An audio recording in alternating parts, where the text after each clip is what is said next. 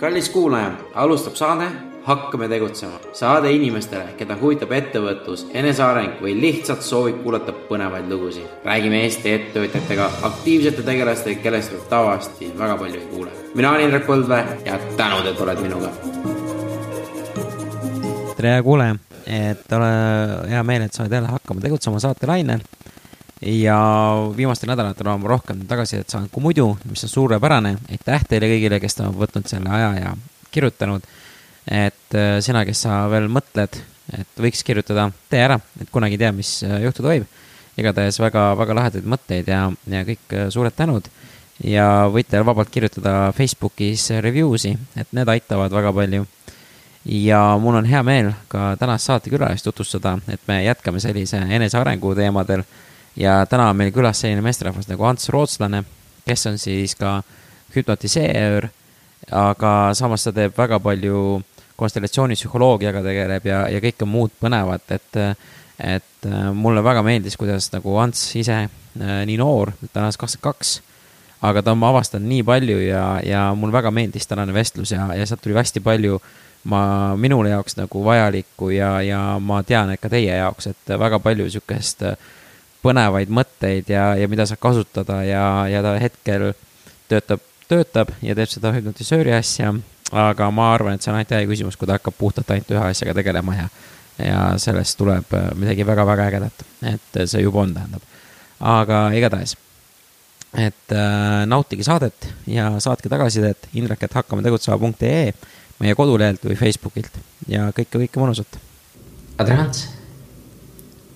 tere nii, et ma uurin äh, ka sinu käest, et äh, millega sa tegeled? millega ma tegelen? no tavainimene võiks arvata, et nõidumise ja posimisega, aga tegelikult sügavamal tasandil psühhoteraapiaga. ehk igapäevaselt siis hüpnoosi ja pereteraapiaga tegelikult ja aidates läbi selle siis jõuda inimestel vastusteni, mis nende sees on tekkinud erinevates vanustelises olukordades, kui nad on jõudnud mingisse teatud ikka, kus tekivad mingisse sellised, sellised eksistentsiaalsed küsimused äh,, elus kinnijäämised, probleemis äris ja nii edasi mm.. et äh, piltlikult öeldes psühhoteraapiaga. ja seal äh, ma oma teraapiaruumi tänasel päeval, kui tavalised inimesed kuulavad hüpnoosi, siis nad mõtlevad, see on midagi esoteerilist mm, -hmm. eks ju. sest tänasel päeval ma ei ole lubanud väga palju äh, seda enda teraapiatuppa sisse üldse, sellepärast et kõike saab mõistusega seletada ja selleks on oma teooriad ja ma olen alati öelnud, et need, kes teooriaid ei valda või õppinud ei ole, et nemad peavad siis läbi sellise pläma äh, mingis mõttes neid asju nagu põhjendama. aga mitte alati mm., vahepeal see pläma on väga oluline mingi mm -hmm. inimese jaoks aga miks sa alguses kohe ütlesid, et nüüd tavainimesed arvavad, et see on tegelikult sihuke nagu voodoo või see on mingi sihuke. lihtsalt ma arvan. kust sa arvad, see tuleb üldse mm,? palju on nähtud lihtsalt, esiteks Eestis on mitmeid äh, hüpnotisööre, kes tegelevad äh, esoteeriliste asjadega, avavad mingeid küllusekanaleid mm, ma ei tea, kust nad need saavad, eks ju. et avavad ja möllavad ja viivad inimesi rändama kosmosesse. Jah, see on tehtav ja võimalik, aga ma olen alati öelnud, et kui enda inimese enda mina veel ei püsi või ei ole psühholoogiliselt väga terve, siis võiks iseendaga kõigepealt tegeleda Äh, psühholoogilises mõttes, mitte minna otsima äh, kuskil mingit küllust taga mingite läbi praktikate ja lasta ennast hullutada mm.. ja seda teemat mõtlesin rohkem mm.. ei no ma mõtlengi, mulle meeldib neid termineid nagu mm. lahti sättida, et mm. miks, et minul on ka, minul on eeldus hoopis ka mingi mm. hüpnotiseerimisest mm. hoopis teine mm. teema, vaata, et. no palju arvatakse jah, et see on mingisugune selline voodoo värk, et ja, ja, ja. inimene tuleb hüpnotiseerid teeb sõrmenipsu ja sul probleemi enam ei ole. ja täpselt, mul on ka sihuke ettekujutus väga tore. nii, mul on lihtsalt kahju nendest inimestest, kes tulevad ja peavad pettuma, et nad peavad iseendale otsa vaatama, siis hakkavad tööd tegema, teinekord see töö on pool aastat pikk, siis mõtled pool aastat, teinekord on aasta, võib-olla mitukümmend aastat mm. mõnel inimesel olnud. kes on kakskümmend aastat mediteerinud, aga ühtegi tulemust seal nagu heas mõttes ei ole mm ei, see ei no ma ütlengi, see on nii huvitav, sest noh, mina võtan ka nagu, kus see on nagu ikkagi filmidest võtad vaata neid enda mhm. näiteid, et, et mm. -hmm. äh, lähed lava peale, hüpnotiseeritakse mhm. natukene, pannakse mingisuguseid asju tegema -hmm. kus ma tean, et, et näiteks ma tulen sinu juurde ja ja sa hüpnotiseerid ära ja siis paned mulle mingi balletineed, teed mingid videod on ju ja siis pärast, kuule, ma unustan ise kõik ära, on ju.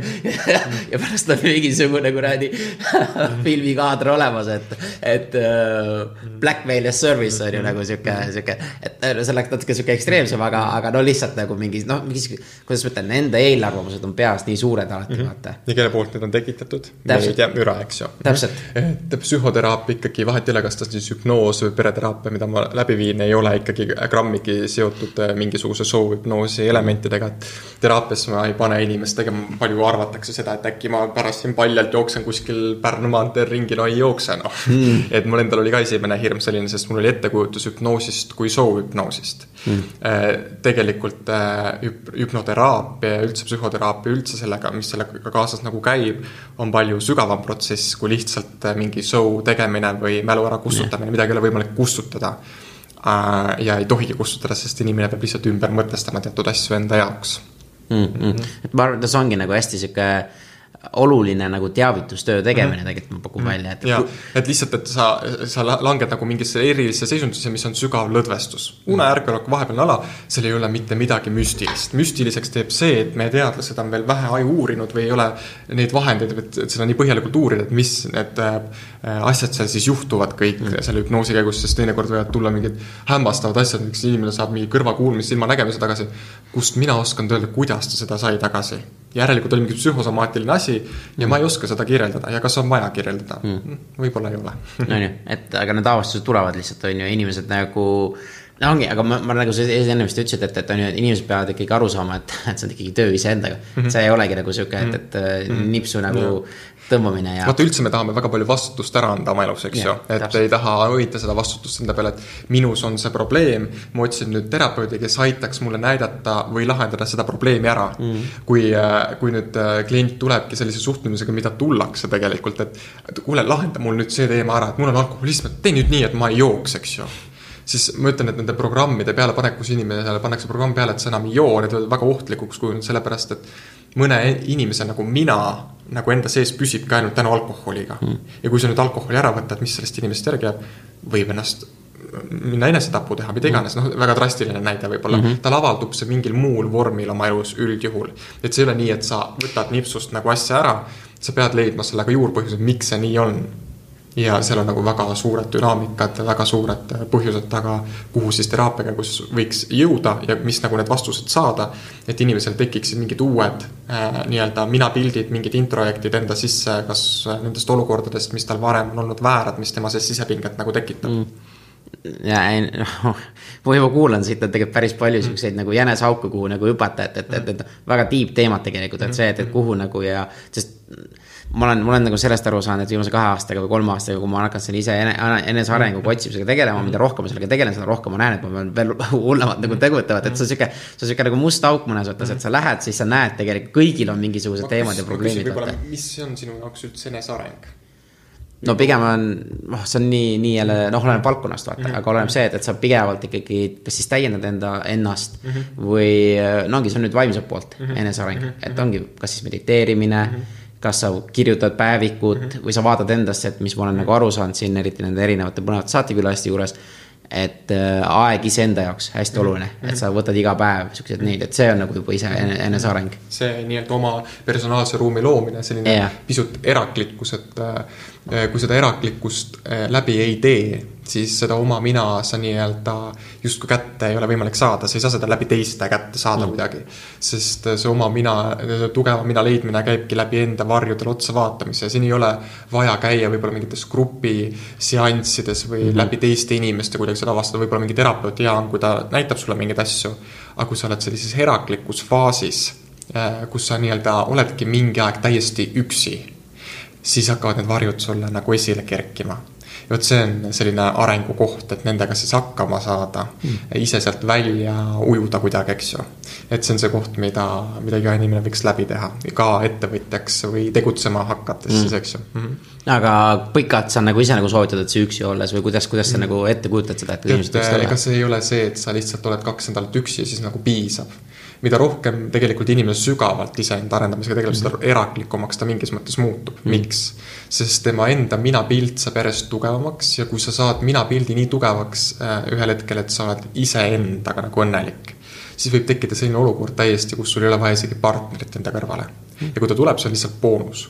ja, ja sellist eraklikkust nagu saavutada selleks läheb kindlasti aega, see on oma teekond, see vajab väga palju tihti psühhoteraapiat, iseendaga olemist. Ja kui sa oled sellele teel nagu sattunud, siis äh, sinu olemus nagu läheb nagu äh, päris endaks selliseks õrnaks ja haavatavaks, eks ju. et see õrnus ja haavatavus siis ei tähenda seda, et sa lähed kuskile üksi koju ja nutad seal, eks ju, keegi sind ei näe, vaid see õrnus haavatus võiks ollagi see, et sa julged rääkida nagu ausalt ja otse nendest mm. asjadest, mis, mis sinu sees nagu parasjagu siis on ja, ja kui sa, kui sa julged nagu olla nagu mingis mõttes nagu lapse suu, et väljendada siis enda neid emotsioone, siis see võib ühel hetkel nagu teha haiget nii sulle lähedastele, võib teha haiget sinu äripartneritele, aga see on sinu päris olemus. Mm.. ja küsimus ongi selles, et kas sa siis lubad sellel avalduda, kas sa lubad sellel päris olemusel kasvada sest kui kasvab sinu enda sisemine mina, nii-öelda saad neid järjest kihte nagu vabamaks enda seest, siis muutub ka peegelpilt sinu välismaailmas, eks ju. ja siis tulevad sinna hoopis uued olukorrad, uued mm., uued maailmad mingis mõttes, et äh, su vana elu võib kukkuda täiesti kokku ja ma olengi alati inimestele öelnud, et see on väga ohtlik mm. minna iseenda arengusse.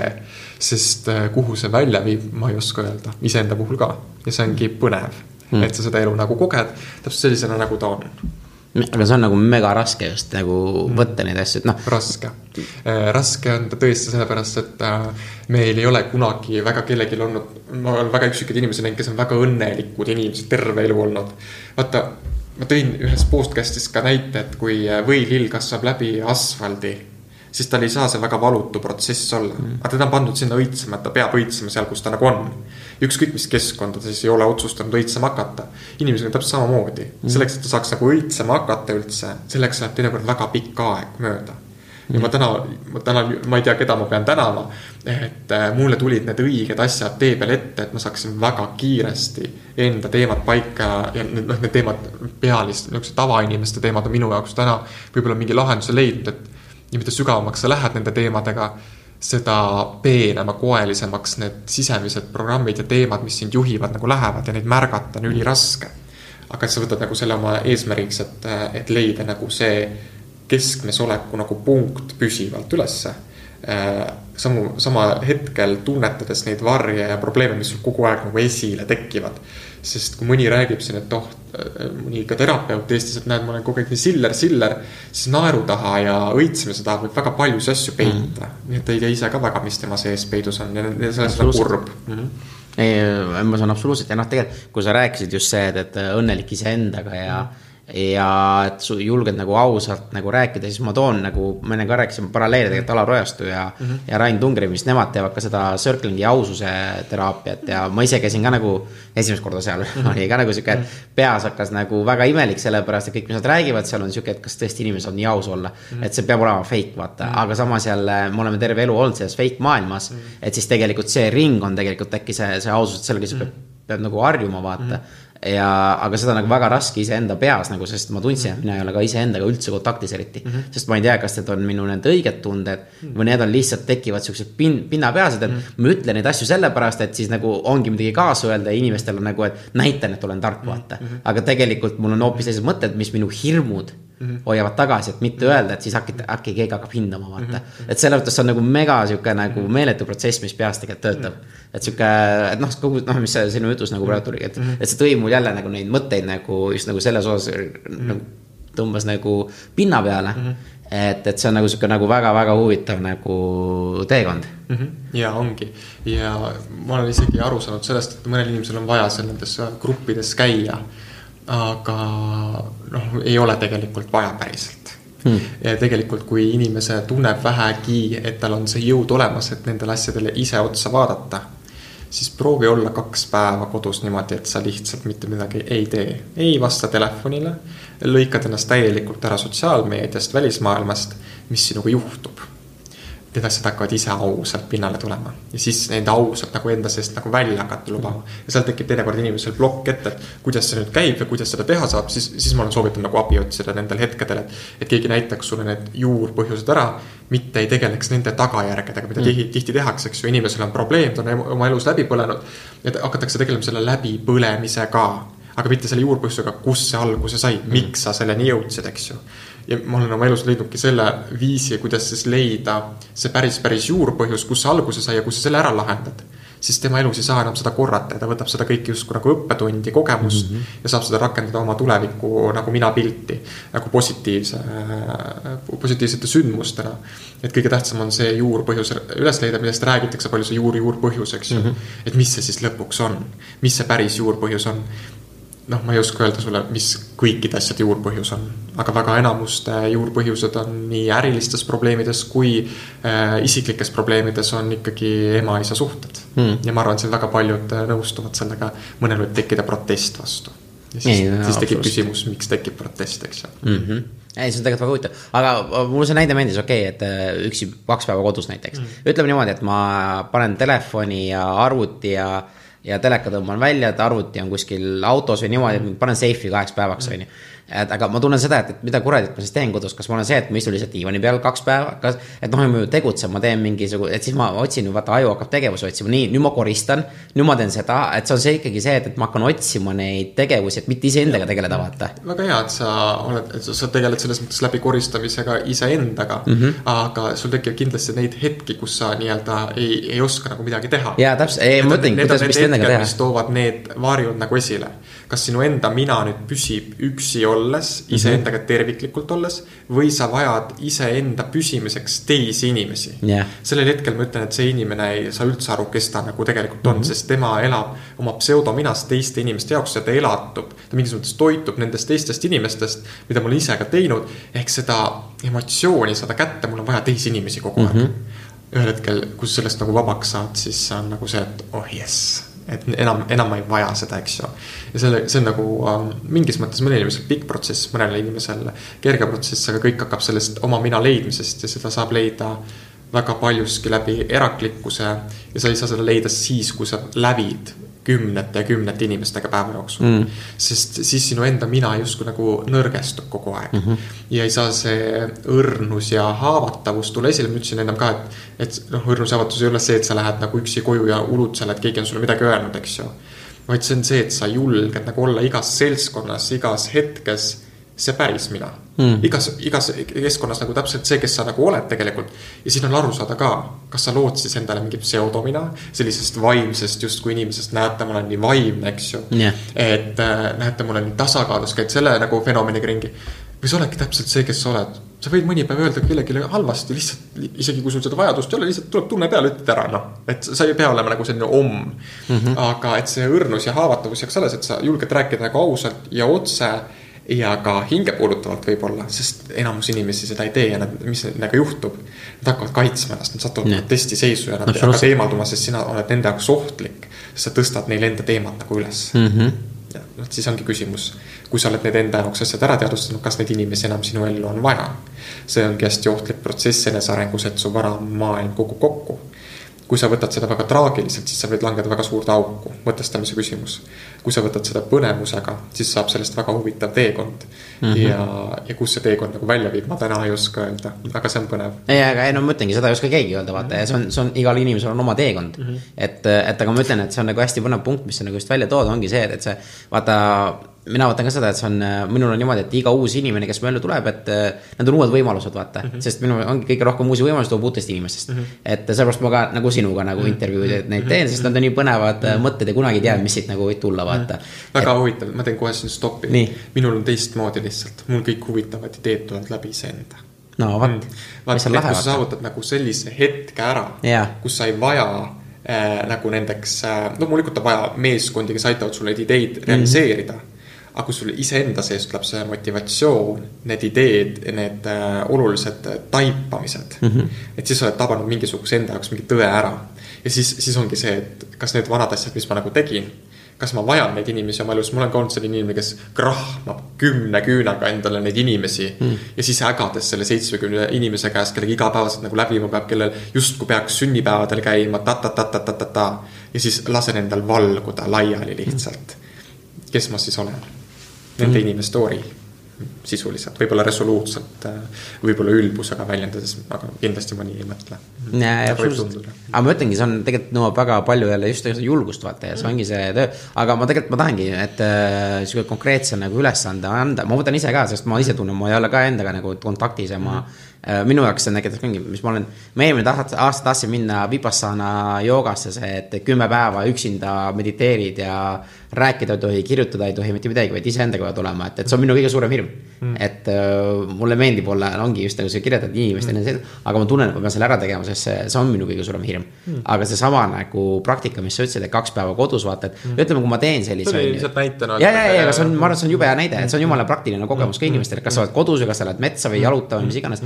Et, et mis oleks need soovitused, mis sa ütledki, mis see inimene nagu tähele paneb, et, et, et hakkavad need mõtted peas tegema, okei okay,, kuidas sa sellega nagu tegeled või on sul mingid nagu praktilised nõuanded, asjad, et et mida tähele panna, kas panen, kirjutan üles need mõtted, mis tekivad või, või las mul olla, sest äh, minul hakkab ka väga ebamugav, kui olen mingi kümme minutit vaikusest, siis ma hakkan, kurat, et mida ma teen, ma pean kogu aeg midagi tegema. tunnen ennast väga ebamugavalt tegelikult mis on see ebamugavus sinu siis hakata küsima selliseid küsimusi yeah., kus mu kehas on ebamugav mm., sest kuskil kehas on ka ebamugav, eks ju. mis on see tunne seal? Ja siis lihtsalt lased korra istuda endale vaikuses ja kui see vaikus nagu peas ei ole parasjagu, sest me teame, et nii-öelda ülemõtlemine on nagu suurim asi praegu, mis nagu tekkinud on. et siis äh, võtta endale lihtsalt viis objekti lihtsalt treenida oma meelt vaikusesse, võtta viis objekti, näiteks võtad ühe lille, küünla, teleri, mida iganes. ja vaatad minut aega, ükskõik mis mõte sul ka ei tule mm -hmm. selle või hinnang selle asja suhtes, siis ütled mina olen ainult, ainult iseendale, nii kui mõte tuleb, mina olen. Et see kokkuvõttes see lause kustutab ära selle mõtte mm. -hmm ja siis viie minuti pärast või aasta, kui sa viis objekti oled ära käinud, et sinus on täielik rahu mm.. ja siis sa saad hakata küsima endalt küsimusi. Mis tunne tegelikult minu sees on, mis mind tegelikult nagu painab. ja, ja et mitte nii pikka teekonda nagu ette võtta tegelikult, et on lihtsamaid viise, siis ma olen soovitanud äh, perekonnateraapiasse ja just konstellatsiooni poole vaadata pisut.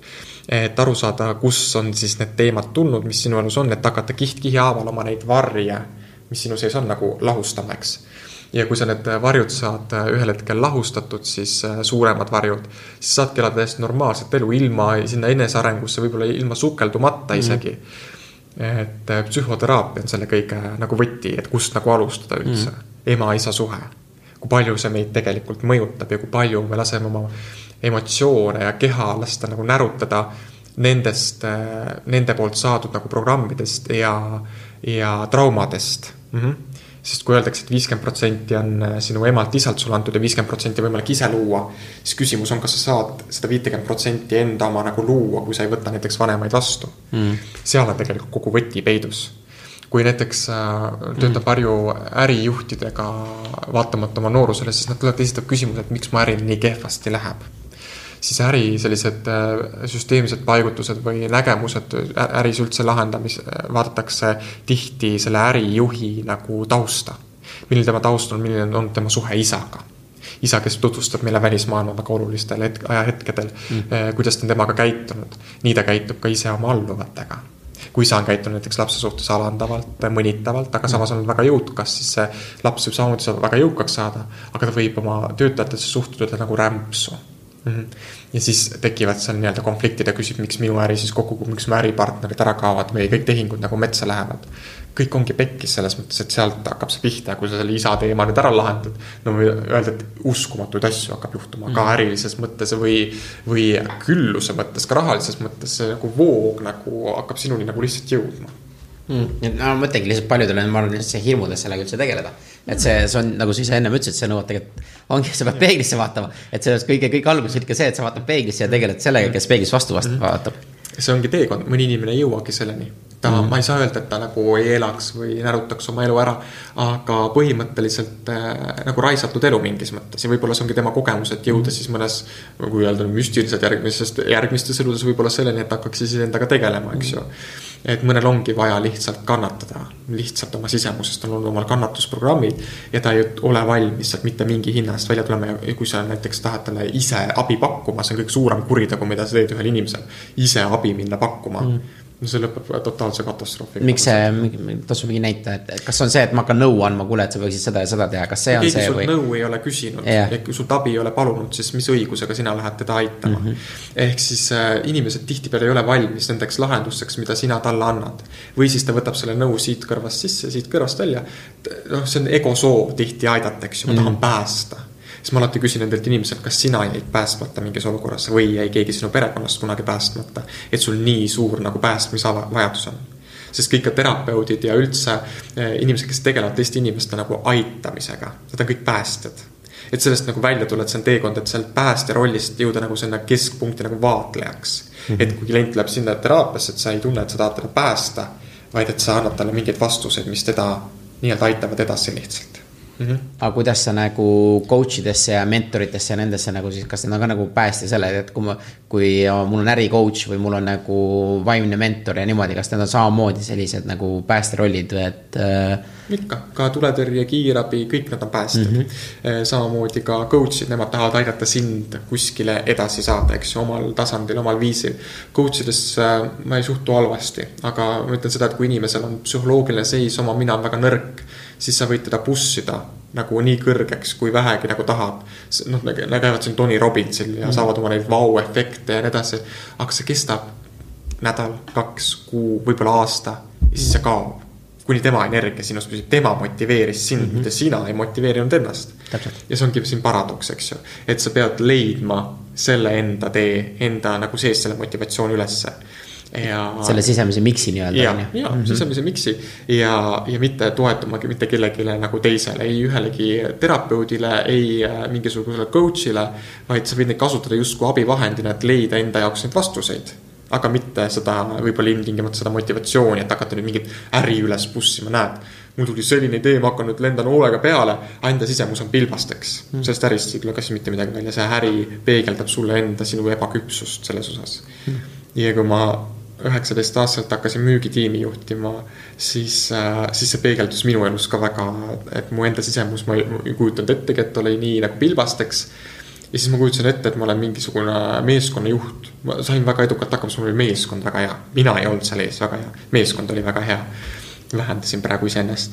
aga, aga, aga ühel hetkel saadki nagu aru, et oot-oot-oot-oot-oot, sa oled üheksateist, sul on nagu noorus üldse nagu elamata. Endaga sa ei ole grammiga tegelenud. mis nagu juht sa nagu nüüd siin oled, eks ju.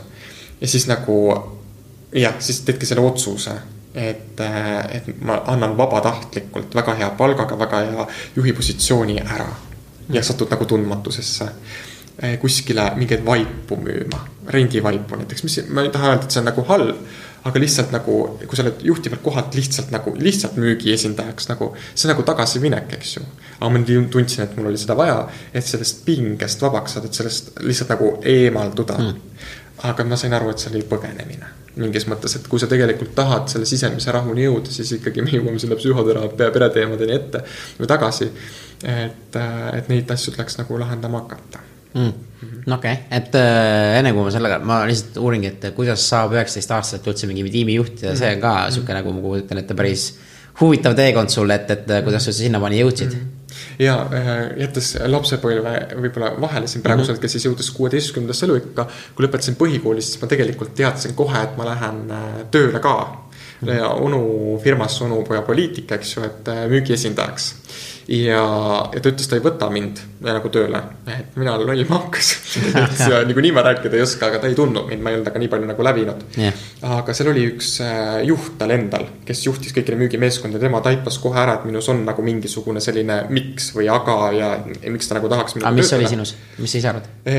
või sa juba tead? tema ütleb, et ma olin üks ülbe noor tattnina, kes isegi ei ütelnud talle tere, eks ju mm, -hmm. aga see inspireeris teda et, et voolida siis minust midagi nagu välja, sest ma olin tõesti nagu ülbe ja selline ja vastik nähvits, eks ju, sest mul oli onu firma, eks ju, et yeah. ma mõtlesin, et ma olen ka siis kõva mees. aga nii ei olnud, et siis tuli iseennast nagu tõestama hakata, aga ma leebusin üsna kiiresti, mulle sobis temaga koostöö ja ta treenis mu välja väga heaks müügiinimeseks ja, ja kui ma alustasin noh, telemarketingis siis äh, mobiilioperaatorite müügi äh, nagu müügiga siis mul hakkas see nagu väga-väga hästi minema, et sealt tulid väga suured tulemused, ma sain aru, et see on, oh, see on midagi, mis on minu kutsumus. ja see oli siis mingi kuueteist, seitsmeteist aastaselt? kuueteistaastaselt, jah. aga mis, äh, ma küsin vahele, et ma, ma segan sind vahele, et, et ma loodan, et see on okei okay. mm. -hmm. et äh, mis teeb sinu jaoks hea müügimehe, et sa ütlesid, et ta treenis sind hea müügiinimeseks, mis on need oskused või asjad, mis sa näed, et enda tegi, teed nagu? hea manipuleerimisoskus, loomulikult miks, millest kasvas välja hüpnoos omakorda. et äh, müügiinimene, ta peab, vaata, me ei saa enam lähtuda nendest müügitehnikatest yeah..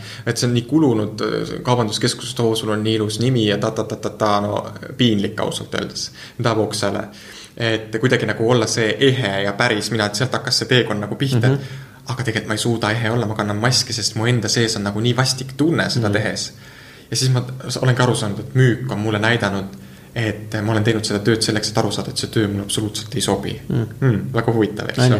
et ja, ja kui ma siis kuueteistaastaselt seal nagu rügasin seda tööd teha, käia koolis siis ma arvasin vahepeal, et ma võiks väga suur noor poliitik olla, väga edukas seal Isamaa kõik selle noorte eestseisvuse nagu eh, juhatusse ja kõik oli väga tore ja ma võtsin küll, ta on jumala kõva tegija.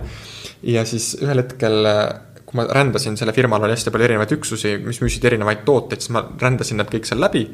tegin oma tulemused seal ära ja, ja huvitav oli see, et teised istusid kuus tundi seal päevas või kaheksa tundi, ma käisin kooli kõrval kaks-kolm tundi ma tegin sama tulemuse ühel hetkel mind siin ei inspireerinud enam. vaatasin, et need järjest see nagu meeskond nagu mandub sinna ära. ja siis, kui ma julgesin näiteks öelda, et hallo, tervist, ma helistan siit, ma olen nüüd see jõulupäkapikk, eks ju, lihtsalt murdes piire siis mu müügijuht tuli ja karjus mu peale mm.. mida sa nagu teed, eks ju. et läksid skriptist nagu eemale nii-öelda? ma ei, ma ei olnud skripti müük okay., ei olnud, me olime ikkagi oma, mina ka nii-öelda need müügiinimesed.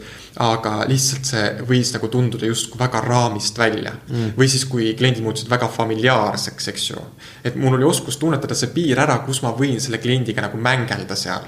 see võis teinekord kõlada vestlusest väga perversne, aga see viis nagu müügini et ma tegin kõik selleks, et seda müüki saada mm., eks ju, see oli, mind ei huvitanud absoluutselt sellel hetkel see inimene, kui nüüd julmalt nagu väljendada ja ma arvan, enamus müügimehi, keda ma tean, ei huvita see inimene ja see. see on numbrite mäng, noh. see on mõnes mõttes kurb ja sellepärast mm -hmm. see müük tundubki nii võlts ja nii tüütuv ja ta ongi mingis mõttes. ja sa teed ka tegelikult jälle selle müügi, ütleme noh, et kui ütled müügimees, siis on ka sihuke vana sorg isegi, kes pähe määrib, tegelikult müük mm. on tegelikult hästi oluline mm. osa kõigus protsessis, tegelikult see on, see on mega mm., mega hea töö tegelikult, kui sa oskad seda teha tegelikult. aga selle maine on lihtsalt halb. kelle jaoks hea? Äh, ongi, aga noh, sa pakud ju nagu mingisugust lahendust kellelegi, samas sinu hüpnoos, vaata, sa pakud ju tegelikult lahendust, sa müüd ju tegelikult seda hüpnoosi ka praegult vaata. et.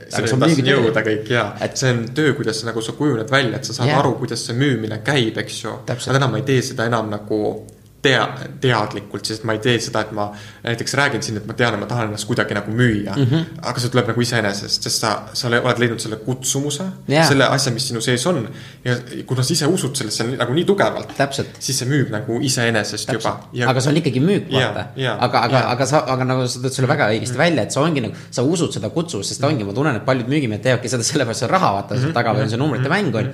aga, aga kõik inimesed on nagu super edukad, kui nad usuvad sellesse, mis nad mm. täiega teevad ja nad panevad selle oma kire sinna ja mitte see, et, et mul on seda raha vaja, mis sul on, et too, noh, sulle, sul ei ole ka, et too seda raha, vaid sa annadki väärtust ennem mm. -hmm. sa ütledki, kuule, näed, sa peaksid niimoodi ja niimoodi ja mis iganes, sa seletad asja lahti ja kui see pakub huvi, teeme koostööd, kui ei, jumala okei okay,, noh mm. -hmm. et ma ja., mina leian seda niimoodi mm. -hmm. ja, ja vaata, müügimehed, miks nad ainult raha võib-olla vaatavad, ongi see, et me oleme natuke muutlikus ärimaailmas ka praegu, et see ärimaailm hakkab kõik muutuma, et see mm -hmm. juhtimispüramiid räägitakse, vaata, et muutub tagurpidi justkui, et juht peaks olema justkui ise sellele töötajale justkui nagu abivahend et aga nüüd, need müügimehi nagu ka juht näiteks ei tunnusta või ta ei tunne, et ta kuidagi mingit suuremat missiooni seal ettevõttes täidaks, siis tal tekibki see tühimiku koht, et ta teebki seda raha pärast ära, eks ju.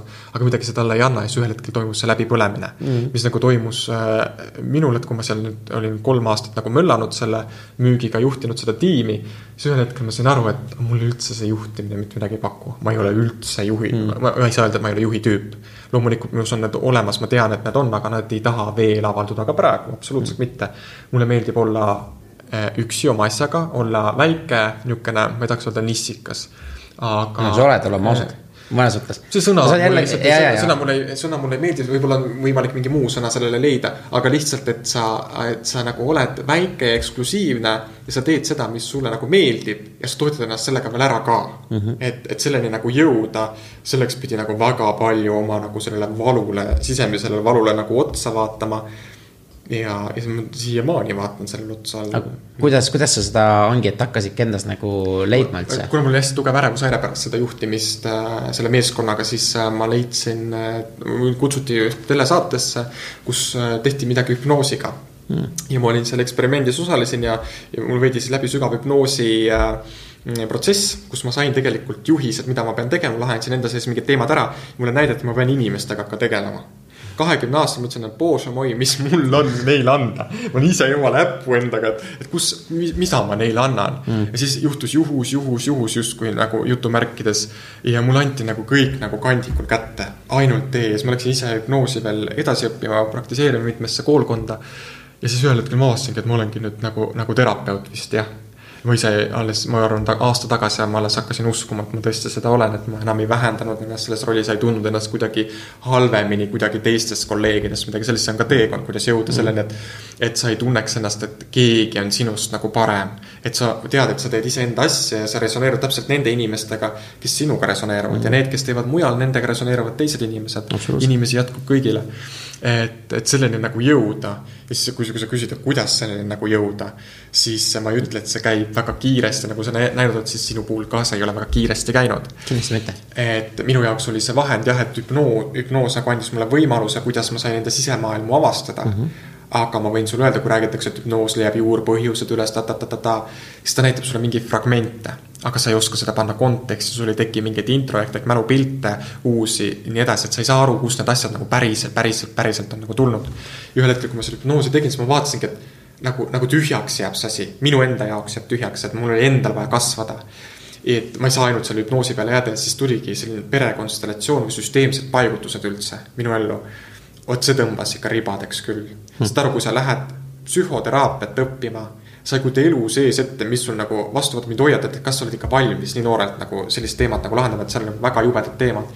ma suhtusin pisut üleolevalt, muidugi saan hakkama, millega ma hakkama ei saa, eks ju.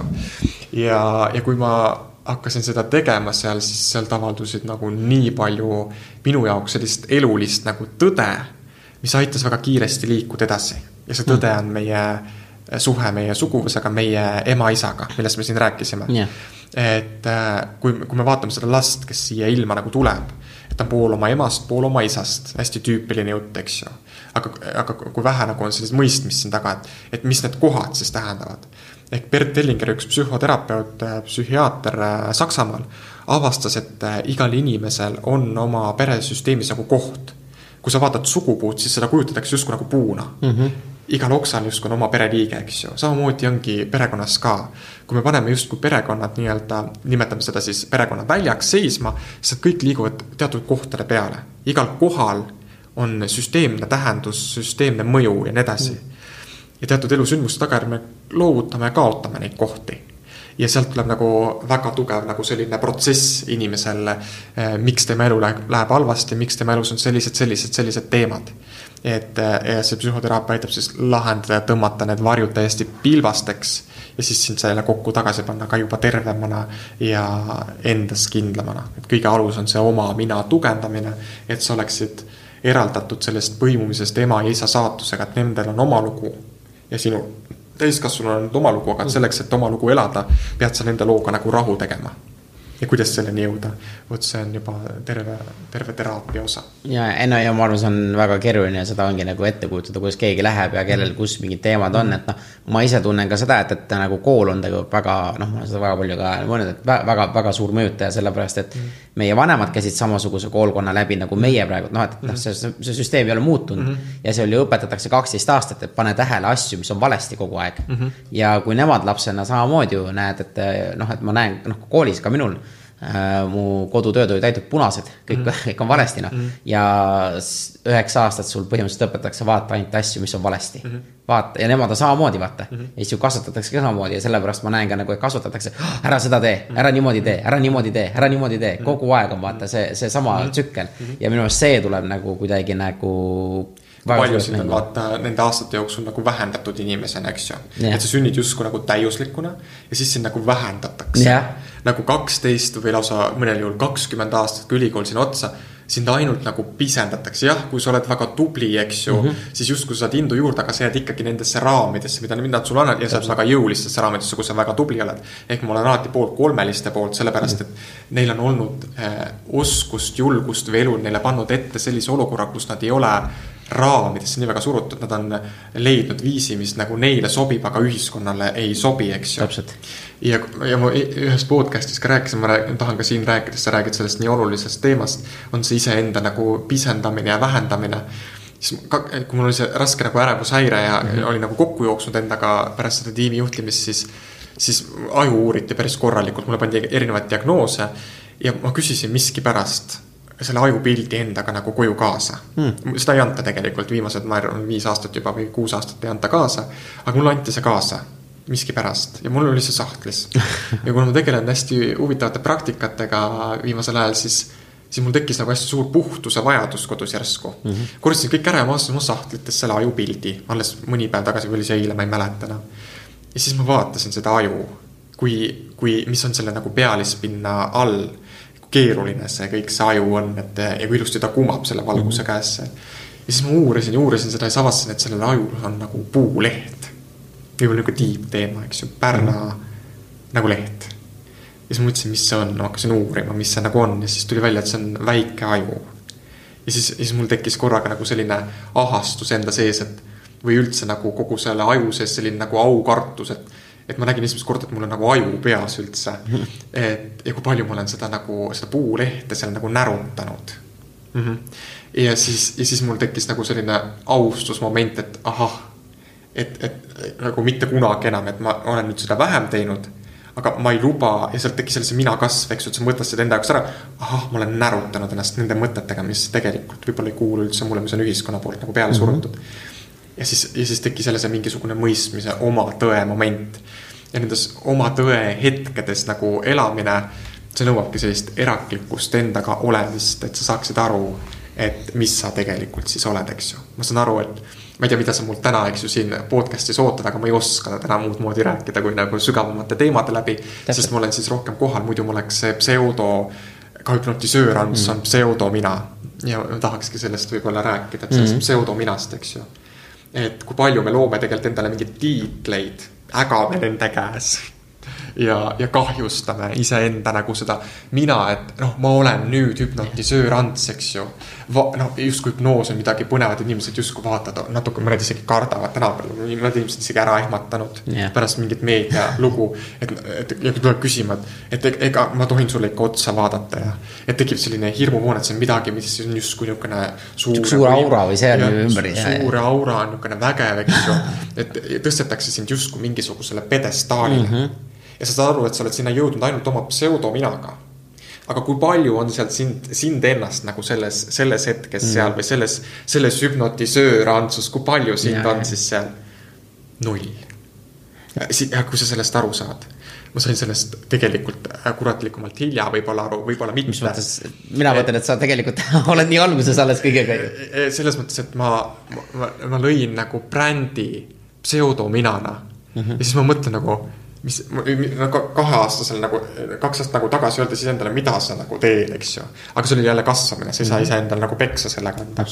täna, ma olen jumal tänatud, et ma jõudsin praegu sellesse momenti, kus ma olen väsinud sellest pseudominast. ma ei kavatse absoluutselt üheski intervjuus, ühestki hetkest kellegiga rääkides olla võlts või kasutada seda pseudominat, et oota, vaata, kui lahedad sõbrad mul on või oota, kui vaata, kui lahedaid inimesi ma hüpnotiseerinud olen mm.. nagu kellele ja milleks mm., kui palju sa iseennast siis tõstad läbi nende teiste inimeste ja, ja kus see oma mina siis on, kes see siis siin päriselt on.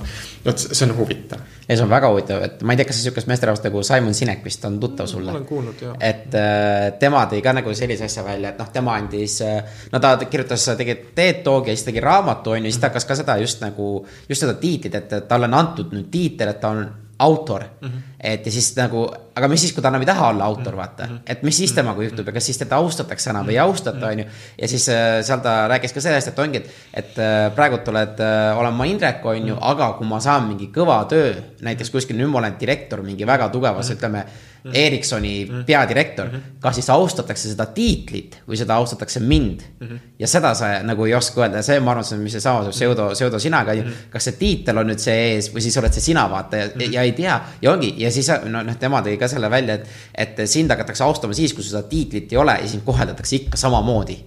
Et, et kas sa oled, et noh, et, et sihukesed väga-väga põnevad asjad nagu, nagu. et, et kuidas selleni jõuda siis. täpselt, on ju. et, et kui ma küsin, et, et kes sa oled siis, eks ju, aga kes sa oled? täpselt. Ja see on aga, nagu nii keeruline. kui sa püüad öelda, et kes sa, kes sa nagu oled, eks ju oh..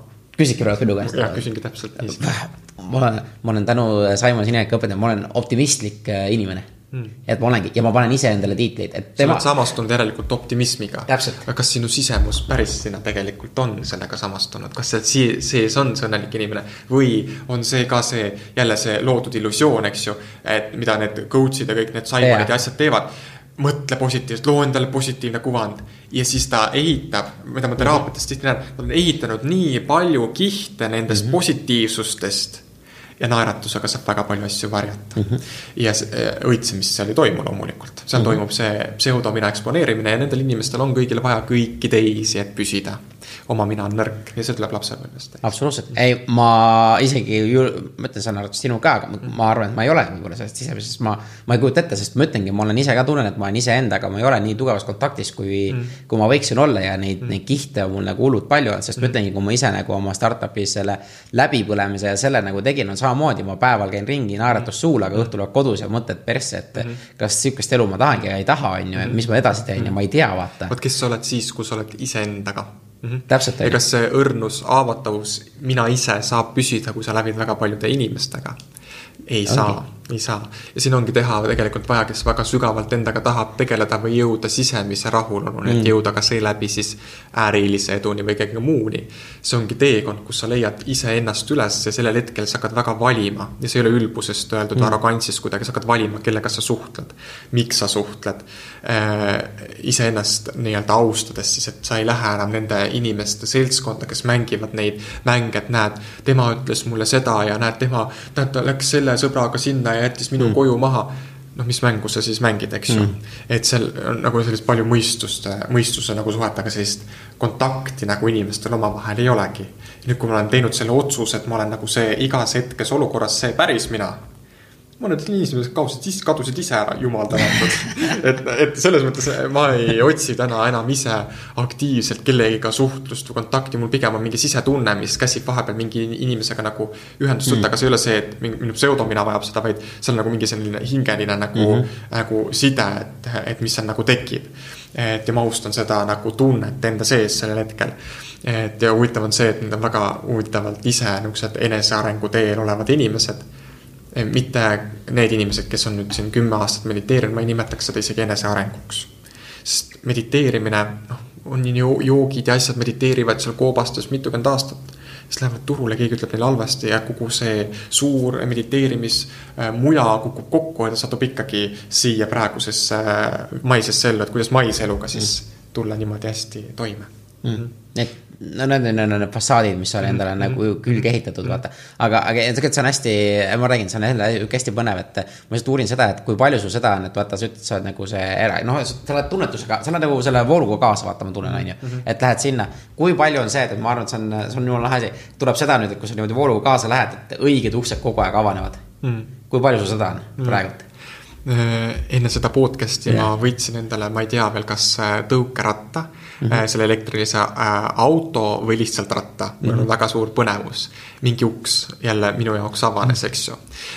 Uksed avanevad tegelikult, kui sa oled oma kutsumuse leidnud, mis on, mis on, mis on see suur küsimus, mis on minu kutsumus yeah.. anna mulle see vastus, no ma ei saa sulle seda anda, sa pead ise kogema seda. kui sa oled selle kutsumuse leidnud, see, milleks sind on justkui, kui me, ma olen väga sügavalt usklik inimene, mitte jumalasse otseselt, aga ma tunnen, et nagu keegi on selle maailma kunagi nagu nii suure väega nagu loonud, eks mm -hmm. ju. ja ta on kõik meie siia loonud, et kui ta on loonud nagu sind siia, siis, siis sa palun ära vähenda ennast selles mõttes, et sul justkui ei oleks mingit kutsumust. kõigil meil on kutsumus olemas. ja kui sa leiad selle kutsumuse, siis hakkavad justkui asjad nipsust mm -hmm. minema. ja kui sa tunned, et sul asjad lähevad nagu nipsust, siis sa võid öelda, et sa oled õigel rajal, aga see õige rada võib ükskord otsa saada, sest sa oled mingid kogemused seal läbi saanud ja nüüd sul on mingi uus kutsumus veel, mis tahab sinus avalduda. mida inimesed siis teevad, jooksevad kinni mm.. Nad ju, nad kardavad, et uus asi ei ole veel algust saanud, vana on justkui otsa saanud, aga siis nad on selles keskpunktis ja seal on raske olla. ja see on, siis tuleta endale meelde seda võilille, kes läbi asfaldi nagu surus ennast mm ta ei ole veel uues kohas õitsema saanud minna, kasvuprotsess alles kestab ja see võib väga valulik protsess olla. aga kusjuures ma olen leidnud nende valulikes protsessides tegelikult sa arened kõige rohkem sest siis sa õpid tegelikult kõige mhm. rohkem ja siis sa saad aru, mis on vale mm. -hmm. ja mina olen näiteks, äh, nagu ma olen ennem nagu saadet ka mainisin, just selle läbi tänulikkuse tegelikult just sedasama nagu näinud niimoodi, et kui ma olen tänulik selle eest, mis mul juba olemas on mm. -hmm. et äh, ma ennem muretsesin nii palju selle pärast, mis teistel on olemas, aju nagu mõtteviisi läks nii palju mhm. sinna aga kui ma hakkasin olema tänulik just selles hetkes, kus ma olen, mis mul olemas on, mul on käed-jalad olemas. tegelikult ma olen, sitaks palju mul olemas -hmm. vaata. ja siis hakkavad ka asjad lihtsalt nagu lähevadki nagu jumala õiget rada mm. -hmm. Uku Masing on öelnud, et ei ole ühtki üürik, üürikest hetke, eks mm. ju et, et tegelikult iga hetk on äh, mingis mõttes väga suur ja võimas, kui sa oled nagu kohal, eks ju. ja mitte keegi ei saa sul kunagi neid hetki nagu ära võtta ka, mis sul kunagi on olnud. mingites hetkedes, kohtades, mingites suhetes, töös, mis on pakkunud sulle väga palju rõõmu või naudingut, samamoodi kurbust. Need hetked jäävad alati sinuga. ehk see hetk elab alati sinus edasi ja kõik juhtub justkui ühel hetkel, eks ju et ja. mis on väga tiib. ja, ja mis on väga tiib, aga mingis mõttes see kõik juhtub siin ja praegu, eks ju aga kui sa siin ja praegu ei ole, sa oled kuskil juba homses, ülehomses, siis, siis sa ei saa selleni kuidagi nagu jõuda, et ja siis küsida, inimesed küsivadki, et aga kuidas selleni siis jõuda. no ma ei saa öelda, et selleks on see ja see ja see ja see mm -hmm. tee. ma võin öelda, et äh, sinus tekib väga suur kohalolu. ma toon enda näite, hästi isikliku näite aga ma tunnen, et ma praegu pean seda tooma. et mõni aeg tagasi, kui ma õppisin siis psühhoteraapiat väga jõuliselt, siis ma tundsin ühel hetkel, mul oli kõik teemad lahendatud. kujutad ette, milline ülbus iseenda mm. suhtes. mul kuulutasin kõigile seal grupis, teate, teil võib palju teemasid olla, noh, pehmemalt küll, eks ju, aga mul ei ole ühtegi teemat ja siis ma sain aru, et nad juba suhtuvad minust selliselt, et noh, noor poiss veab tal, eks ju, no las ta siis õitseb siin, eks. ja siis, ja siis ma palusin endale teemat et palun, et näita elu mulle, mis on minu teemad mm. ja siis see teema tuli, lahvatas niimoodi mulle näkku, mis oli kümme aastat mul nagu elus nagu olnud juba see teema. ja siis, ja siis ma mõtlesin, et sellega ma ei saa üksi hakkama. ja siin on väga oluline, et terapeut ei oleks selles ego keskmes nagu kinni või üldse, või ükskõik, mida sa ei tee, siis mm. sa julgeksid nagu abi küsida. ja jumal tänatud, ma tean väga häid psühhoterapeute veel. et ja, ja ma läksin äh, psühhoterapeudi juurde, pereteraapiaga koos on see, eks ju ja, ja mul oli see hetk, et ma ei tundnud enam emotsioone, kujutad ette. justkui räägin kõigile sellisest usaldamisest, emotsioonide tundmisest. ja siis ma avastasin, ma ei tunne kliendi nagu neid lugusid, et klient, ma tunnen, ma saan aru küll, mis tunnet ta tunneb ja nii edasi mm. -hmm. see on väga pindmine et ma ei luba seda endasse sisse ja ma ei, ja ma olin endale nii suure seina nagu ümber ehitanud, et ma ei tundnud enam ka isiklikke emotsioone mm.. vanaisa, kes oli mulle väga lähedane, suri ära, ma ei suutnud ühtegi emotsiooni tunda ma, ma tükk aega esitasin selle küsimuse, kas see on õige või vale, ma ei ole siiamaani seda vastust teada saanud, kas, kas ma siis lihtsalt olin nii vaatleja positsioonis. aga kui ma sinna teraapiasse nagu läksin, et siis tuli välja, et ma ei ole lubanud endale tunda nagu oma ema ja isa suhtes või nende, või nende äh, lugu, mis oli minu looga seotud, tunda nagu vihatunnet. Siis kui palju ma olin endale nagu müüre ümber ehitanud, mis nagu tulid siis nähtavaks, mis varem ei olnud üldse nähtavad, ma arvasin, on normaalsed ja kui vabastav kogemus, millise kohalolu, õnnetunde tekitab see, kui sa saad neile välja öelda, et ah, ma vihkangi sind, seda osa sinus mm., väga kummaline võib see näida. aga ma vihkan seda osa näiteks, mis alandas näiteks ema, isa poolt. ma vihkan tõesti seda tunnet. ma vihkan seda äh, kehalist emotsiooni, mida see tekitas, mis seal teraapias nagu esile tuli ja see on väga isiklik, ma saan aru, et see võib olla väga raske ka mu lähedastele mm. kuulata. aga see on oluline jagada. ja, ja kui sa saad nagu selle nagu endast välja siis sa näed tegelikult, kui uhked on sinu vanemad tegelikult. noh, seal psühhoteraapiast tuleb see välja, eks ju, seal läbi esindajate ja rollivahetust, et sina oled ise enda isa ja siis sa oled jälle poeg ja siis käib see mm. dialoog, eks ju, üksteise vahel. et tekivad need positiivsed introjektid ja siis sa näed, kui uhke tegelikult see isa tegelikult või ema sinu üle on. ja kui palju jõudu ja ressurssi see sulle annab. ja vot see tekitab selle rahutunde enda sees, selle tunde, et okei okay, ma ei pea otsima seda armastust kuskilt väljaspoolt, seda tähelepanu kuskilt väljaspoolt, minu sees on kõik praegu kooskõlas. Mm.. ma tunnen neid emotsioone, tundeid ja ma julgen olla õrn ja haavatav, kui keegi mulle näiteks ütleb halvasti. näiteks sa ütled mulle podcast'i lõpus, et jube, jube sitt nagu podcast olid, jube kehva infot andsid. Mm.. mul on täiesti suva. kõik juhtus nii, nagu juhtus, mul on täiesti ükskõik. Mm. ja see ongi huvitav, et, et me saame sinna jõuda ainult läbi nende, kes andsid meile elu et sa neid sügavaid protsesse julgeksid endast tunnistada, sest enamus inimesi ei julge mm -hmm. ja ei mhm. soovi sinna minna, sest nad teavad, see lugu on seal nii suur. et selle lahendamiseks võib võtta väga palju aega, aga, aga see tulemus on seda väärt mm no ma arvan, ma just ütlengi, et sinna sügavutesse minna ongi nii keeruline. ja ma arvan, et, et, et noh, ja jälle tuleb selle, ma arvan selle asja juurde, et ongi see iseendale aja võtmine ja iseendaga hakata tegelema, et mis need teemad täpselt on ja need tuua nagu välja, et. väga raske näiteks on tööl ja. olla, no ma täna tegelikult enda erapraksisele, ma ei tea veel, miks mul on, mul ei ole asi ära lõppenud, ma töötan ühes puhastusfirmas müügijuhina see ei saa minu jaoks nagu ära lõppeda veel miskipärast. Hmm.. et ma ei ole lubanud endal seda ära lõppeda, ju siis ta ei ole veel õige aeg ära lõppeda, et ma tunnen, et mul on seal veel natuke kasvada, areneda. aga mingi osa minus ütleb, et äkki sa peaks minema oma teed. Hmm.. aga miks ma sellest äh, räägin mis see küsimus oli, mul läks praegu juhtmele. küsimust praegu tegelikult, me lihtsalt rääkisime sügavusse minekust, aga, aga ma küsin siia vahele tegelikult selle, et, et. oota, ma mingi mõttega ma ikkagi rääkisin seda praegu. aga kui sa tuled tagasi, siis ma jätkan. no täpselt, noh, see on jumala okei okay.. et äh, tegelikult mind huvitab see, et kuidas sa suudad nagu erapraksist ja ka isik, teist töökohta nagu pidada mm, -hmm. et see on tegelikult ka sihuke nagu just, kui need on veel eraldi, tegelikult need on väga nagu erinevates ju valdkondades ju tegelikult. väga no, erinevates valdkondades. kui, kuigi tegelikult jälle müük, aga müük on psühholoogia, noh. Nad on, vaata, nad on erinevad asjad üldse, sellepärast et kui ma seal müün kellegi teise asja üldse või töötan mingi teise asja jaoks nagu, siis seal ma töötan enda, praktiliselt ma töötan ainult iseenda jaoks. süsteemselt peavad arvestama inimesed sellega, et kui sa oled kuskil tööl ja ma teadvustasin selle ka oma juhile.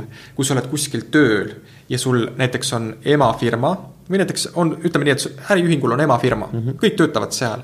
ühel hetkel firma juht teeb otsuse, et ta loob endale tütarfirma. siis rohkem õigusi on sellel tütarfirmal kui emafirmal, sellepärast et lapsel on vaja areneda, kasvada ja sinna on tohutu panus vaja panna. emafirma on juba ennast üles töötanud. Ja sama juhtus äh, minuga ka seal nii-öelda puhastusfirmas ehk kui mul täna kuskil ma jõuan võtta nelikümmend kuni viiskümmend äh, klienti kuus ja mul on pidevalt kuskil kaheksakümmend kuni sada viiskümmend inimest, olenevalt siis ajast, on nagu järjekorras, see justkui tekitab mingisuguse pinge enda sisse et kas ma peaksin siis töötama ainult läbi, äh, ainult erapraksises, kuna seda tööd niikuinii mul kogu aeg palju on olnud algusest ajast. ja, või ma siis peaksin nii-öelda mõlemat tegema. ühel hetkel ma justkui tundsin, ma pean justkui valima ja siin, siin ma hakkasin mõtestama, et aga kuidas ma olen jõudnud nagu üle aasta, no tänaseks juba kaks aastat, äh, teha mõlemat korraga ja ma ei ole ära väsinud, ma oskan nagu puhata mingitel hetkedel. siis ma saingi aru, et minu energiakapatsiteet on tavainimesest saanud natuke suuremaks. ja seda mitte jälle nüüd öelda kuidagi egost, vaid, ja kuidas see on suurenenud, et kui ma alustasin, siis ma tundsin küll, et ma ei jaksa nagu kahte korraga teha aga siis hakkas minu ellu tulema nagu tehnikat. on just see, et kui sa võtad ema-isa ressursi vastu mm, -hmm. siis sinu energiakapatsiteet, kui me mõtleme, et inimene on niisugune nagu anum, eks ju. siis ta nii-öelda justkui nagu suureneb läbi erinevate vaimsete praktikatega, see suureneb, suureneb nii-öelda rahutunne sinu sees, sa ei panusta enam nii palju välistele asjadele. ja siis sa lihtsalt nagu täitud, täitud, täitud ja siis avastavad inimesed, aga kuidas sa jõuad täna siin, siin, siin ja homme juba seal, seal, seal olla aga sa oled kõikides nendes hetkedes kohal mm. ja, ja sa teed seda täie rinnaga. ja ühel hetkel lihtsalt, kui see podcast siin ära saab, lõpeb, eks ju, ma tegelen iseendaga edasi mm.. no ma ei keskendu enam sellele, mis ma siin rääkisin või kas ma ütlesin midagi valesti, ta-ta-ta, mis meil see mõistus hakkab tegema mm., eks ju et ma lähen siis selle järgmise tegevusega edasi, mis võib-olla ma ei teagi, mis järgmine tegevus on. sa fokusseerid nagu no,, nagu tugevalt. jaa mm, -hmm. et ma olen selles hetkes, aga sinna jõuda noh, see ongi, see on teekond.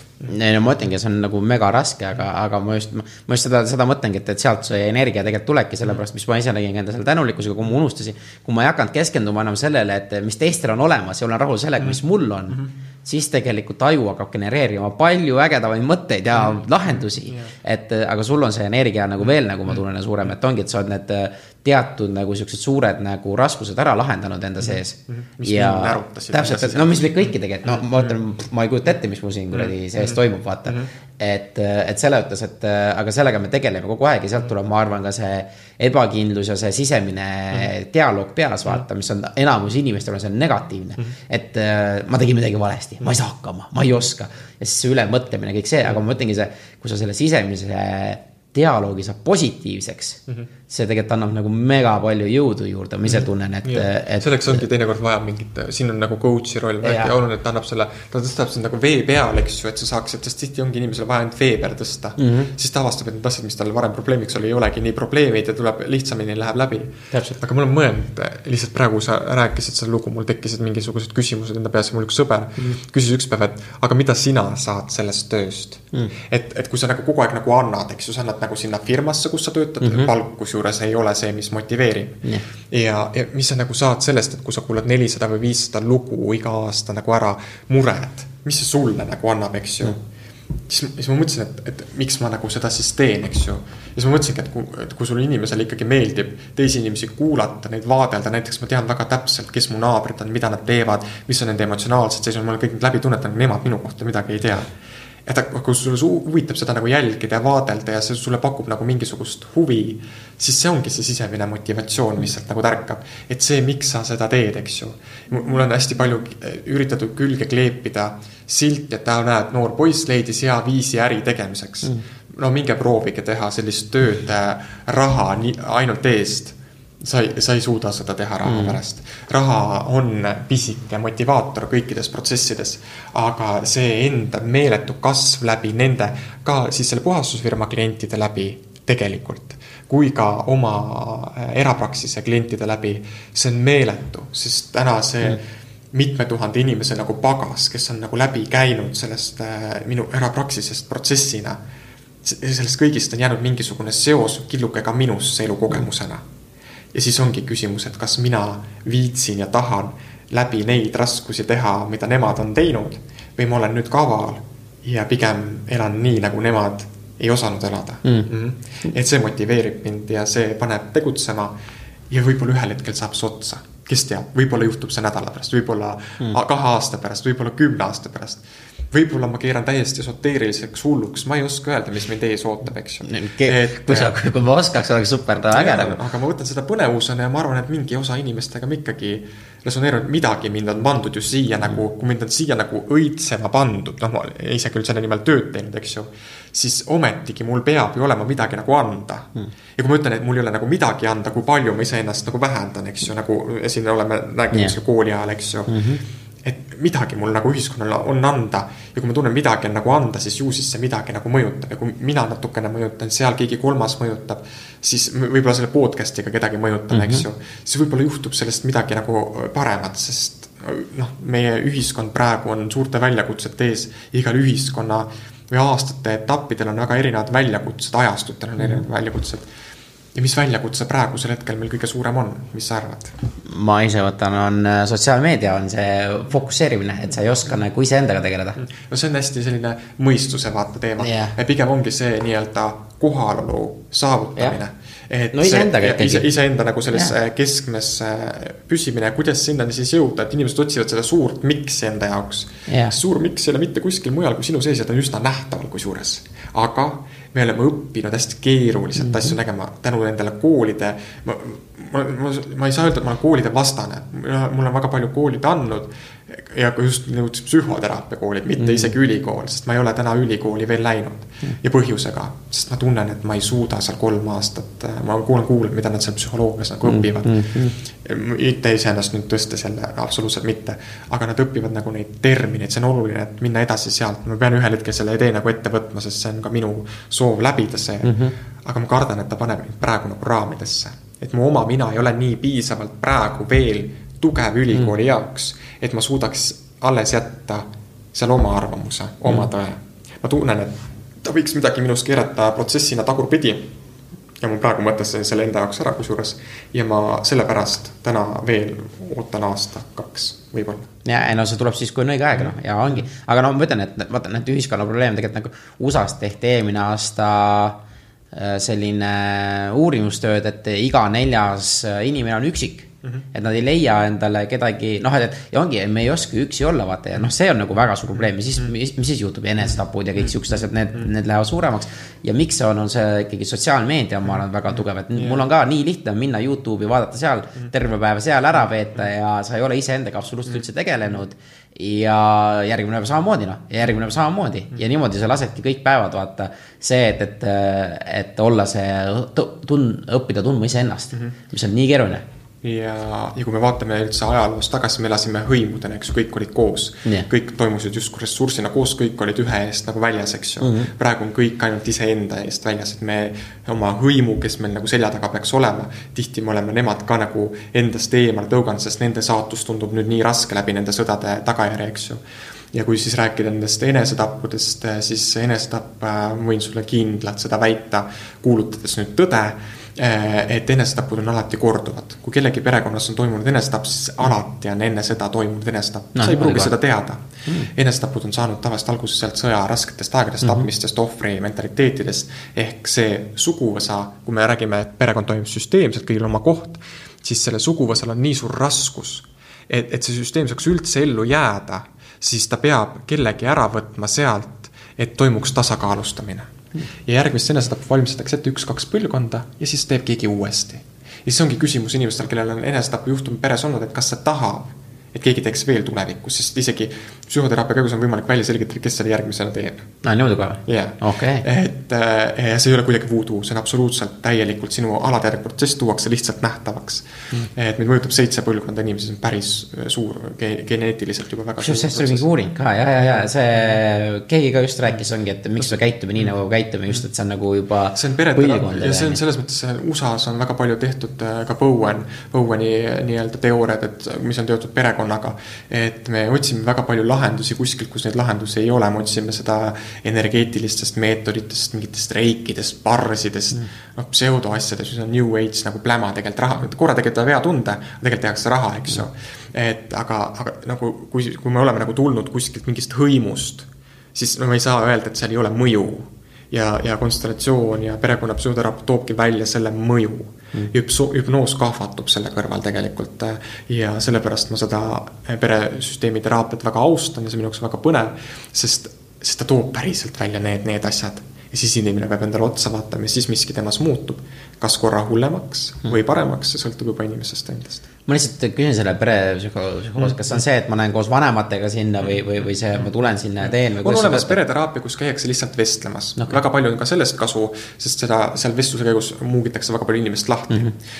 aga et tahta niisugust sügavamat protsessi läbida, et kui sa tahad ikkagi sügavuti minna ja need protsessid tööle enda jaoks saada, siis äh, on niisugune asi nagu konstellatsioon ja psühhodraama okay.. konstellatsioon on siis selline meetod, kus on, äh, ütleme nii, et sa lähed teraapiasse, sul on kümme inimest seal ütleme, kolme inimese teemasid lahendatakse päeva jooksul, need kümme inimest saavad olema sinu perekonnaliikmed, kui sina neid seal valid. Mm.. sa lähed terapeudi juurde mingi küsimusega, näiteks sul on probleeme äh, näiteks isaga, sa isaga kogu aeg konfliktsed suhted. ja siis sa lähed, valid ühe suvalise inimese sealt oma isaks, iseendaks. Mm., nad pannakse sinna ja need suvalised inimesed, kes sinu loost mitte midagi ei tea hakkavad äh, umbes kahe minutiga käituma täpselt nii nagu sinu ema. Mm., või täpselt nagu sinu isa ja, ja nagu sina. ja, ja ja siis hakkab välja joonistuma sealt mingisugused asjad, siis lisatakse sinna järjest inimesi juurde ja sa näed ära selle kogu protsessi, mis sinu elus toimub. Ja siis toimuvad need ahhaa-momendid ja need tekitavad positiivseid intro ehk mälupilte, mis muudavad need negatiivsed pildid nagu ümber. ja see toimub kohe, muutus toimub kohe tegelikult. Ja tekib selline kergus ja rahutunne, selline mõistmine. Ja lisaks sellele see ressursi võtmine, kui sa saad aru nagu, mis vägi sul tegelikult nagu selja taga seisab, kes on valmis sulle andma, kui sa ainult oleks valmis vastu võtma no siis inimene avastab midagi väga suurt enda jaoks ja siis ta saab aru, kui, kuidas need kõik need barsid ja muud asjad on nagu selline naljanumber selle kõrval, mitte üldse neid pisendades, aga see on fakt mm. mingis mõttes mulle see, mis sa räägid, et esiteks on hästi põnev mm, -hmm. teiseks väga hirmutav aga, aga mis, mis mulle nagu, mina nagu panin seose visualiseerimisega.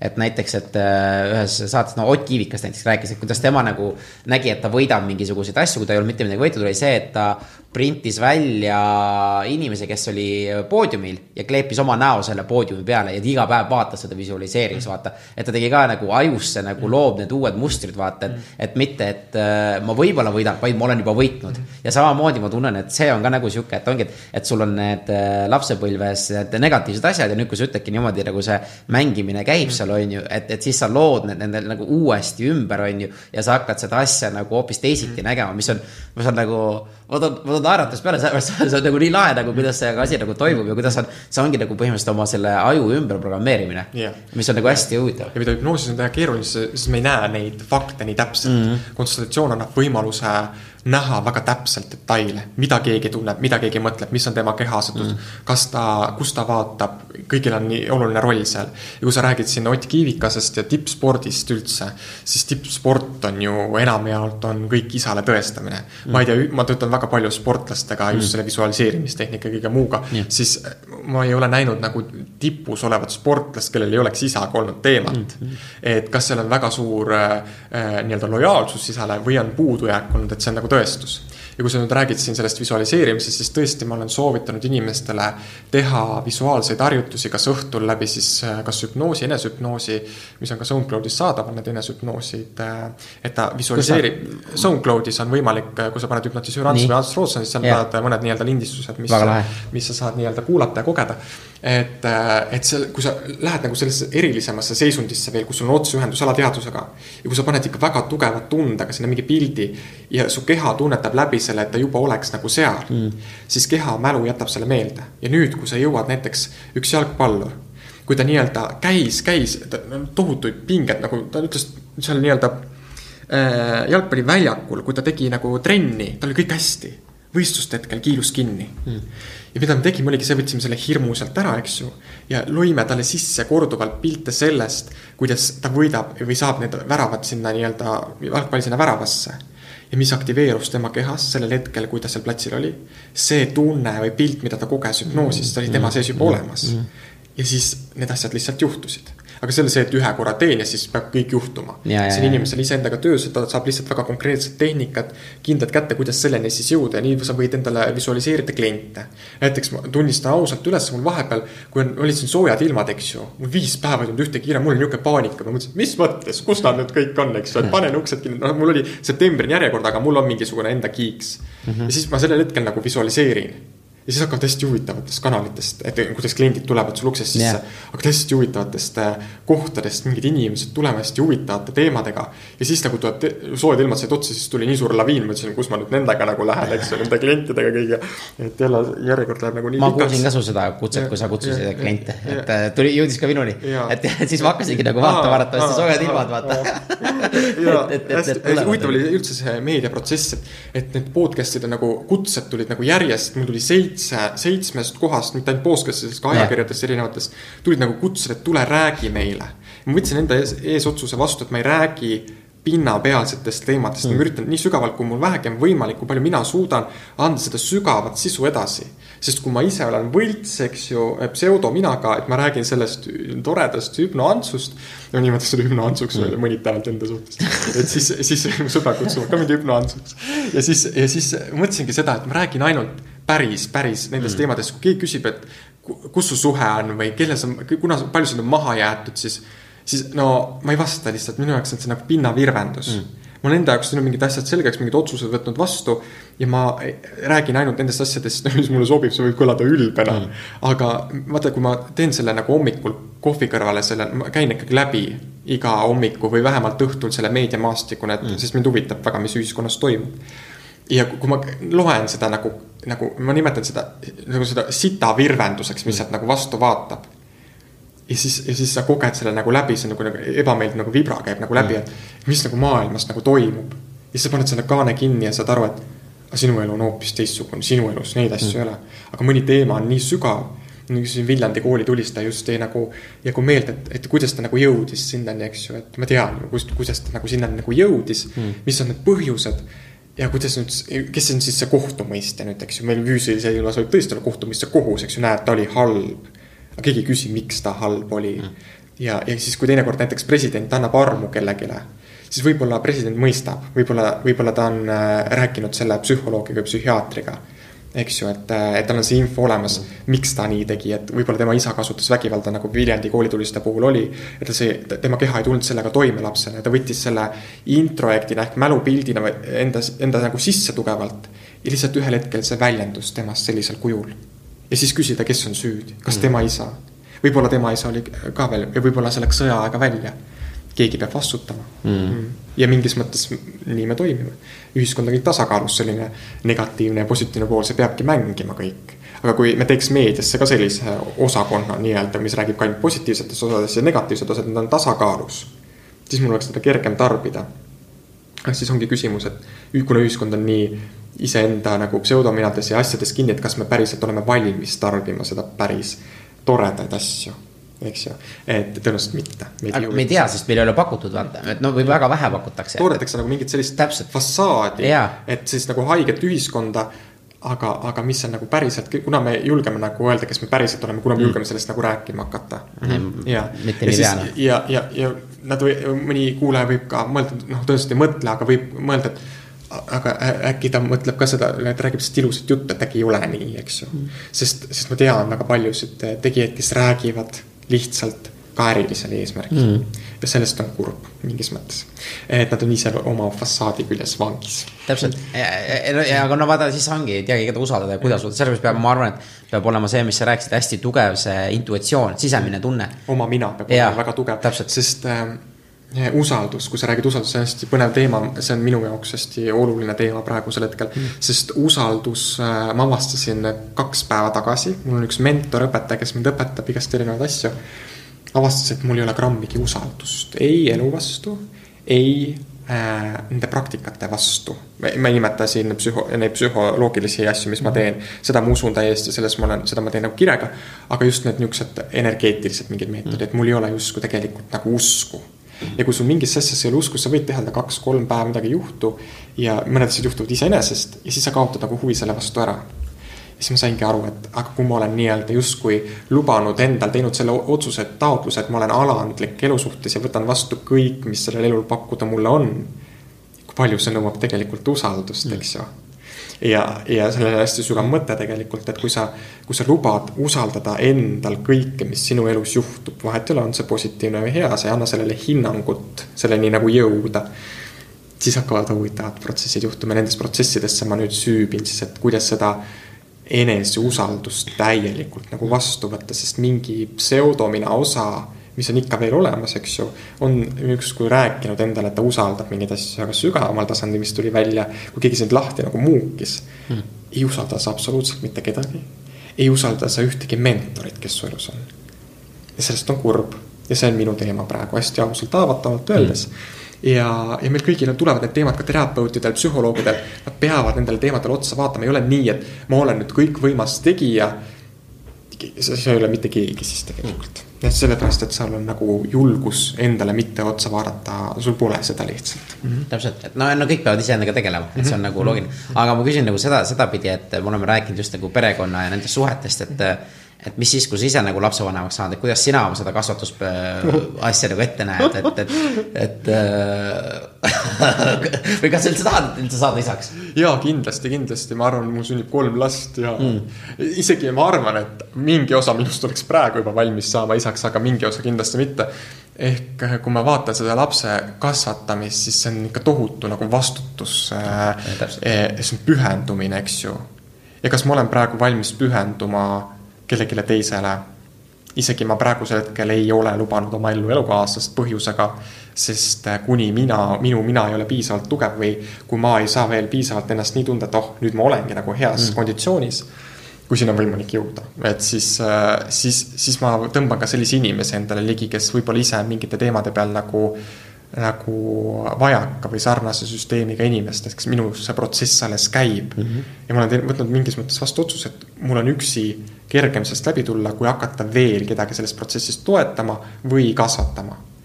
Et ma jõuan selleni tõenäoliselt hiljem, ma arvan, kakskümmend kaheksa, kolmkümmend, ma ei pane endale otseselt numbriliselt paika. aga kõik juhtub siis, kui juhtuma peab, eks ju. -hmm. aga ma kardan tõesti seda, et ma teoorias olen vaata väga tugev nendes pereteemades. -hmm. et väga, väga hästi olen osanud inimesi aidata ja nõustada, aga, aga ma tõesti ei tea, mis tunne võib olla last päriselt kasutada, mis tunne üldse on isaks saada mm. aga ma olen seda kogenud läbi oma klientide, ma enam-vähem tean, eks ju, mis tunne see on ja mis see endaga nagu kaasa toob ja, ja ma tean, et see on väga ilus tunne ja see toob inimese oma keskmesse mm. -hmm. ja mõnes, mõnes, mõnes mõttes lapsed sünnivad ka mõnel varakult väga siis, kui äh, ta on vaja väga kiiresti kasvatada, arendada mm. -hmm. Yeah. ma praegusel hetkel äh, ei tunne, et äh, ma vajaks praegu kedagi oma ellu nii, nii tugeva peegeldusena, võib-olla ma ei ole ise valmis otsa võtama mm -hmm. nii tugevalt.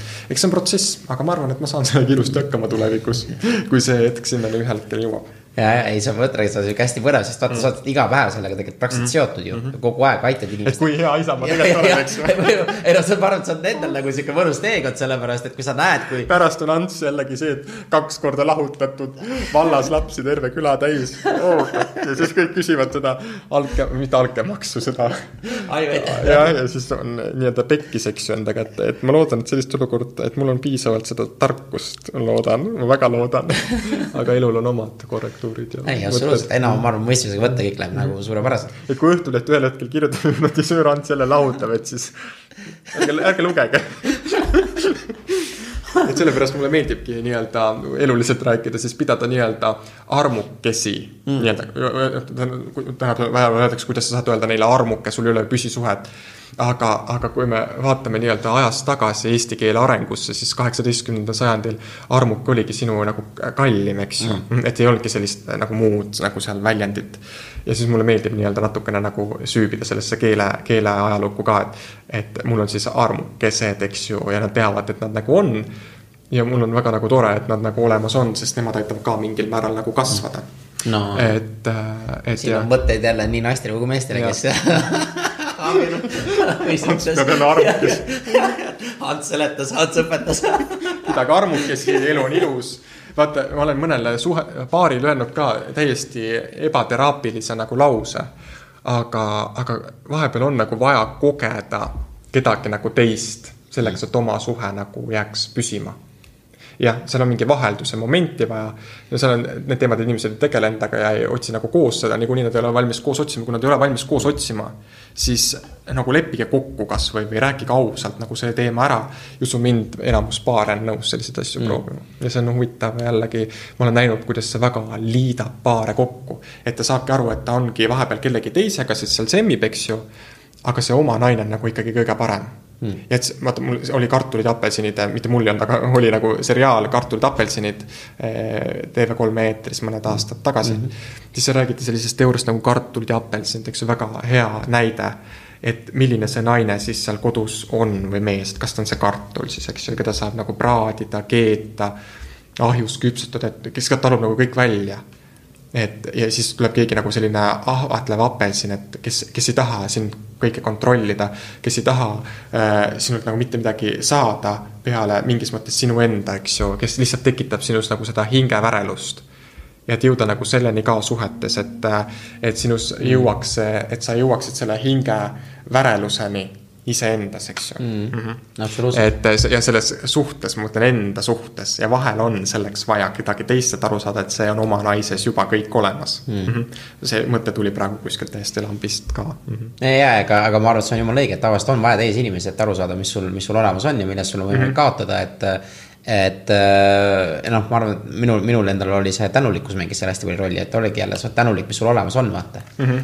et äh, kui sa sellega oled rahul, siis tegelikult asjad jälle hakkavad juhtuma ja mm, -hmm. ja lähevad nagu edasi, vaata mm. -hmm aga, aga see on jah, sihuke nagu suhete ja, ja see teema nagu väga, väga keeruline vaata. see on nii naljakas, et me räägime praegu suhetest ja siis äh, mul tuleb nagu telefoni peale teade, et, äh, et ma olen võitnud kuskil äh, välismaal mingisuguse romantikapaketi ah,. tänu sellele, et ma käisin autoga mingit proovisõitu tegemas, et hästi huvitav, vaata kõik hakkab nagu justkui nagu juhtuma, eks ju kohe.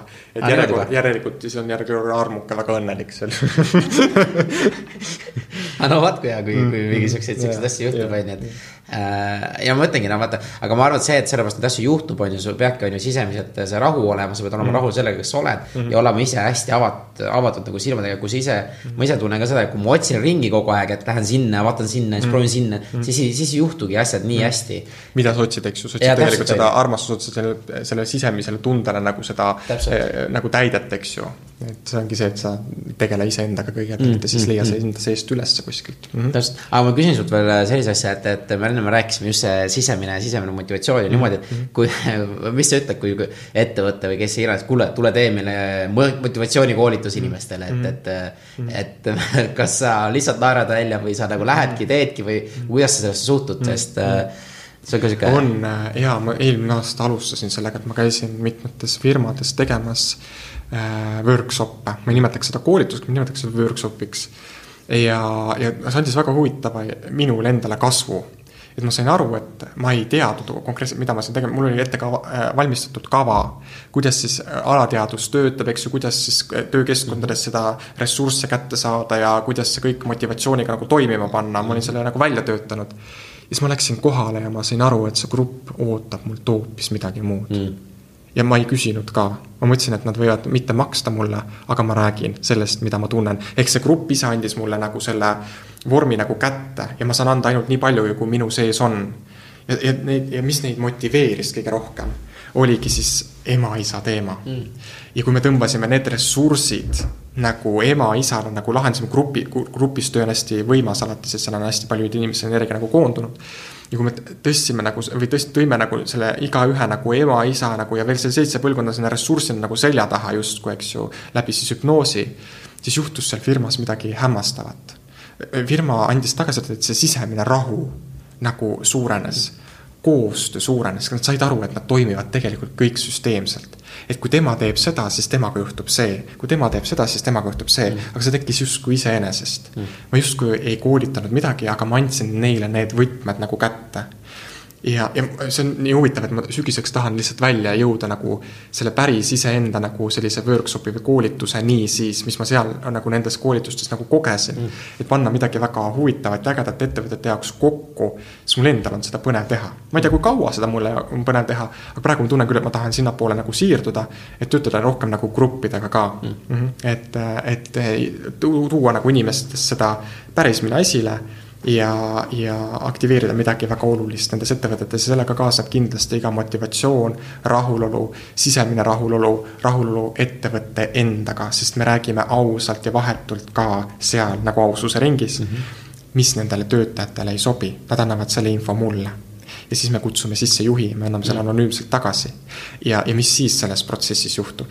Väga huvitav, juht saab ülesandeks hakata lahendama ära neid teemasid, mis nende, tema grupil on mm -hmm. ja panema ta teenindavasse personali mõnedele ettevõtetele see ei sobi, nendega ma koostööd ei saa teha, aga äh, see on hästi huvitav protsess, mis seal juhtub, sest töötaja tunneb hetkega, et teda justkui tõsteti kõrgele mm. -hmm. ja see toob tohutu motivatsiooni pagasi, sinna on võimalik juba programme sisse istutada läbi hüpnoosipraktika veel. et kuidas ta hakkabki tundma ennast motiveerivalt ja kuidas stressi siis maandada seal, kõik see temaatika sinna juurde et äh, ma arvan, see on väga põnev väljakutse üldse ettevõtete ees ja mulle endale, et see nagu kokku panna, mitte selliselt, nagu see juba on loodud kuskil, vaid midagi teistmoodi ja mitte lihtsalt sellepärast, et oleks teistmoodi, vaid see annaks mingit väärtust juurde. No, tulemused ka, mille pärast ma üldse mm -hmm. seda nagu küsisin mm -hmm. ja teen, ongi see, et noh, hästi palju on see, et, et ma minu pärast tunnen, et tule tee meile motivatsioonikoolitus mm, -hmm. on ju. aga see motivatsioonikoolitused ei tööta sellepärast, et tulebki, mina leian, et seda sisemist motivatsiooni mm -hmm. leida, vaata. Nad leiavad seda nagu välist, kust leida see välist motivaatorit, eks ju. paneme eesmärk, teeme eesmärgi kaarti. inimesed põlevad läbi nendega. me peame leidma seest ressursid ülesse, et üldse ta ei oleks võimeline nende eesmärgikaartide poole nagu liikuma. jumal tänatud, kui mõni inimene sinu ettevõttes on selline, kellel on see ressurss olemas ja ta ei jõuagi väga kaugele. aga neid inimesi praeguse uuringu kohaselt on kümnest üks. ma mõtlen, kui sul on viiekümnene meeskond ja sellest nagu viis inimest, kellest tegelikult on juhid, kes tegelikult teevad seda kirega, eks ju. alluvad seal nagu ei tee seda tööd nagu kirega, nad teevad palga pärast millegi muu pärast seda et siis kui palju see sinu tulemusi vähendab ettevõttes, eks ju yeah.. et jõuda selle inim-, inimeste soovide kirjani, miks, küsimus, miks sa seal tööl oled üldse, eks ju yeah ja et ellu jääda, no mis vastus see on? täpselt ja noh, mis, mis minu, minu jaoks nagu hästi kurvaks on see, et kui tuleb mingi inimene, kes on väga tugeva positiivse mm -hmm. energiaga mm, -hmm. tahab seal mingeid muutusi teha mm. Aga see keskkond on selline, kus kõik mm võtavadki, kuule, et me teemegi kogu aeg niimoodi, et kuule, ära sa nüüd siin hüple mm. -hmm. ja siis ongi, kuule, mis sa siin rõõmupall käid või mis sa see niimoodi, et, noh, teda, teda see keskkond juba nagu surub seda mm käitumist, mis ta tahab tuua muutust maha mm. -hmm. ja siis ta töötabki kolm kuud, siis ta ei, enam ei tee, vaata, või kaks kuud, et ta ei pea vastu enam sellele, sellele survele mm. ja siis ta muutubki ühest sellest kuradi väiksest nagu mutrist sinna osaks, on ju mm. ja, ja, aga kes teab, mis potentsiaal tal tegelikult on mm. väga vähesed murravad minu meelest sellest potentsiaalist nagu läbi või on see julgus, et kuule, ma lähen minema minema siit, see on vale koht. ja ma toon siia pika, pikema näite, nüüd ma töötasin ühes vaibafirmas, nagu ma ennem rääkisin, müügiesindajana varasemalt. ja seal oli äh, niimoodi, et neil oli ühes väikses maakohas oli äh, nii-öelda äh, siis pesula ja siis müügigrupp äh, nagu Lõuna-Eesti oma ja Tallinnas oli ainult äh, kontor mm. -hmm. ja juht oli siin Tallinnas süsteemselt täiesti vale lähenemine. kogu protsessi juhtis seal kohapeal pearaamatupidaja, kes ma võin öelda, vabandust kui ta kuulab, oli nagu minu jaoks hea peegel, aga elav mõrd mm. -hmm. ja, ja kui ma mm. pandi istuma ühte ruumi ühe teise raamatupidaja siis laomehega, siis üks hommik oli selline, ma mäletan seda nii hästi, kus ta tuli Äh, talle ei meeldi minu isiksus, et ma säran kogu aeg ja ma sain, ettevõte pakkus mulle hästi palju mingeid spaasid, uued autod, siis mul olid tulemused head. siis ta tuli minu ette ja kummardas, pani käe laua peale ja ütles, et ma ei ole keskpärasemat inimest näinud kui sina mm.. Ma sain, ma võtsin teda huumoriga muidugi ja siis andsin talle just noh, kolme tuhande eurose lepingu kuukäibega kolm tuhat eurot, andsin talle kätte, ütlesin palun vii see keskpärane leping sinna administratsiooni, eks ju. Mm -hmm.. saad aru, see nagu tekitas nagu selle tunde teos, et ta nagu vajus alla ära. ja siis see võitlus nagu läks järjest suuremaks ja ma kuulen, köögi kõrval oli minu kabinet, kuidas ta kõva häälega nagu räägib minust kujutad ette, kui jube tunne võib olla, kui sinust nagu üsna hell olin siis tegelikult enda sisimas, ma ei olnud ju endaga veel tegelenud siis. et kus, kus nagu keegi räägib sinust nagu nihukest juttu, mis ei vasta sinule üldse ja loobki sellise kuvandi justkui sinust halvast inimesest, kes ja. üritas lihtsalt nagu särada, anda seda positiivsust kõigile. aga seal olid nagu vanad inimesed, kes ei suutnud või nagu komplekssed inimesed, kes ei suutnud komplimente esiteks vastu võtta mm. Ja siis ma tegin selle otsuse, saab, mis saab, ahaa, kusjuures mul tuli siis päästeingel, tuli see praegune firma appi. tegid mulle ülepakkumise lihtsalt mm. ja siis mõtlesin, sain nagu päikselisse firmasse, mis on seotud justkui nagu päiksega, eks ju mm.. et siis äh,, siis nagu minu jaoks oli see nagu vabanemine ja see ei ole enam kordunud, ehk siin selles firmas, kus ma täna nagu töötan. treenisin kohe näiteks töödejuhatajad ära sellisel viisil, et kui nad uksest sisse tulevad siis ma tegin neile alguses hästi tihti komplimente mm. -hmm. ja nüüd on see hetk, kui mina peaks kontoris olema näiteks mingis madalseisus, natuke paha, halvem tunne mm. -hmm. siis mida nemad teevad, nad tulevad, ütlevad mulle komplimenti. ma panin selle enda kasuks nagu tööle mm. -hmm. ja samas see töötab nende jaoks ka, sest ma siiamaani siiralt ütlen neile mingeid häid asju välja, sest see motiveerib, see aktiveerib midagi ja see on nii oluline meeskonnas teha. ja siis tihti haavad, siis ja siis mõnel hetkel, kui ma olen väga eraklik, ma olen hästi erakliku loomuga oma olemuselt tegelikult. mõni päev, kus ma tahan olla väga eraklik, siis mul küsitakse, et mis sul viga on, et sa ei ole ju päris, sa oled kurb või mm.. ei ole tegelikult, ma tahan olla selle isiklikus ruumis. aga nad on ära harjunud ka mingis mõttes selle pseudominaga, kes on mm. väga happy kogu aeg olnud, eks ju. Neile neid komplimente öelnud aga nüüd ma saan aru, et nad on sellega harjunud ja teist Antsu nad vastu ei võta mm.. ja siit tekib huvitav see paradoks või küsimus, et kas minu teekond seal ettevõttes saab jätkuda. vaatame aasta lõpuni mm., väga huvitav. et äh, mul on selles mõttes hea tunne enda sees, et ma ei sõltu täna mitte kellestki peale iseenda see kõik, mis nemad täna pakuvad, on minu jaoks nagu boonus, tekitab head tunnet. ja see hetk, kui mul tekib see tunne, et ma pean tööle minema, mul üks hommiku tekkis, ma mõtlesin, ma lähen annan valge paberi laua peale aga ma ootasin kella kaheteistkümneni ära mm. -hmm. mul ei ole vaata kaheksast viieni töö. ja siis mul tekkis see tunne, et aga tegelikult ma tahan ju minna, et mul hakkab siin, siin, siin, siin hakkab viga natukene praegu. et äh, ja siis ma nagu läksin ja mul oli nagu hea tunne sees. et see tunne, et ma pean või ma tahan, väga suur mõtestamise küsimus, kuidas sa selle ümber enda jaoks keerad, eks ju ma tahan minna, sest minu jaoks toob see seda, seda, seda. ma tunnen seda kuulumistunnet, noh, kui sa ei ole iseendaga tegelenud, siis sul on vaja seda kuulumistunnet ja kõike muud, seda pläma sinna, mitte pläma, aga see kõike seda kompotti sinna juurde mm. -hmm. ja seda üks ettevõte suudab sulle tihtipeale pakkuda mm. -hmm. no ma arvan, see on hästi, no ma mõtlen, sa oled nagu väga heas seisus hetkel, et sa saad nagu valida, et kas sa tahad või sa äh, ei taha minna tööle, on ju. ja siis öeldakse tihti, et näed, küll tal on vedanud. ja, ja, ja küll on tal vedanud, tal on nii lihtsalt kõik tulnud. aga ei ole nagu nii lihtsalt ka kõik need asjad tulnud, et see on ikkagi õppimine, on enda avastamine. ja no kuratlikumalt raske on ikka neid varje endas mm -hmm. nagu avastada, lahendada ja siis tulla veel rääkima sellest, et mis sitta sa nagu läbi oled teinud ja siis mm. nagu, nagu kuidas sa lahendad. inimesed tahavad ju kuulda sellist kurba lugu, et mis tal mm. kõik juhtunud, et valada pisar. et ise samastuda selle kurbusega, mis tema sees on. ja tekib väike lootus, et äkki mul on nii kurb, et äkki mul saab olla ka parem nüüd, äkki, äkki ma tulen sellest nagu välja. no see on mingis mõttes endaga manipuleerimine natuke, mingis mõttes see võib aidata aga mitte kaubaks. no ta on sihuke, et sa paned äh, luumuru peale plaastri noh mm, -hmm, et, et ta on noh, et ta mingi aeg hoiab mm, -hmm. aga, aga samas ongi nagu sa ütled, selle juurteline nagu väljumine mm. -hmm. ja ma ütlen, neid samme on nagu väga raske teha, vaata, et mm. -hmm. tegelikult jälle mõtestamise küsimus, miks, miks ta siis on nagu raske? kas sa tegelikult, kui ma mõtlen, võib-olla ma ei oska enam mõelda nii, et ma ei tea, ma ei isegi ei mäleta, milline oli see kaks aastat tagasi, ma mäletan mingeid tundeid, emotsioone. aga ma ei tea nagu, kui, minu arust oli palju raskem olla näiteks selles raskes ärevusaires no mul oli tõsiselt nagu raske, ma mõtlesin, ma suren lihtsalt maha sinna põrandale, sest nii kehv nagu tunne oli sees.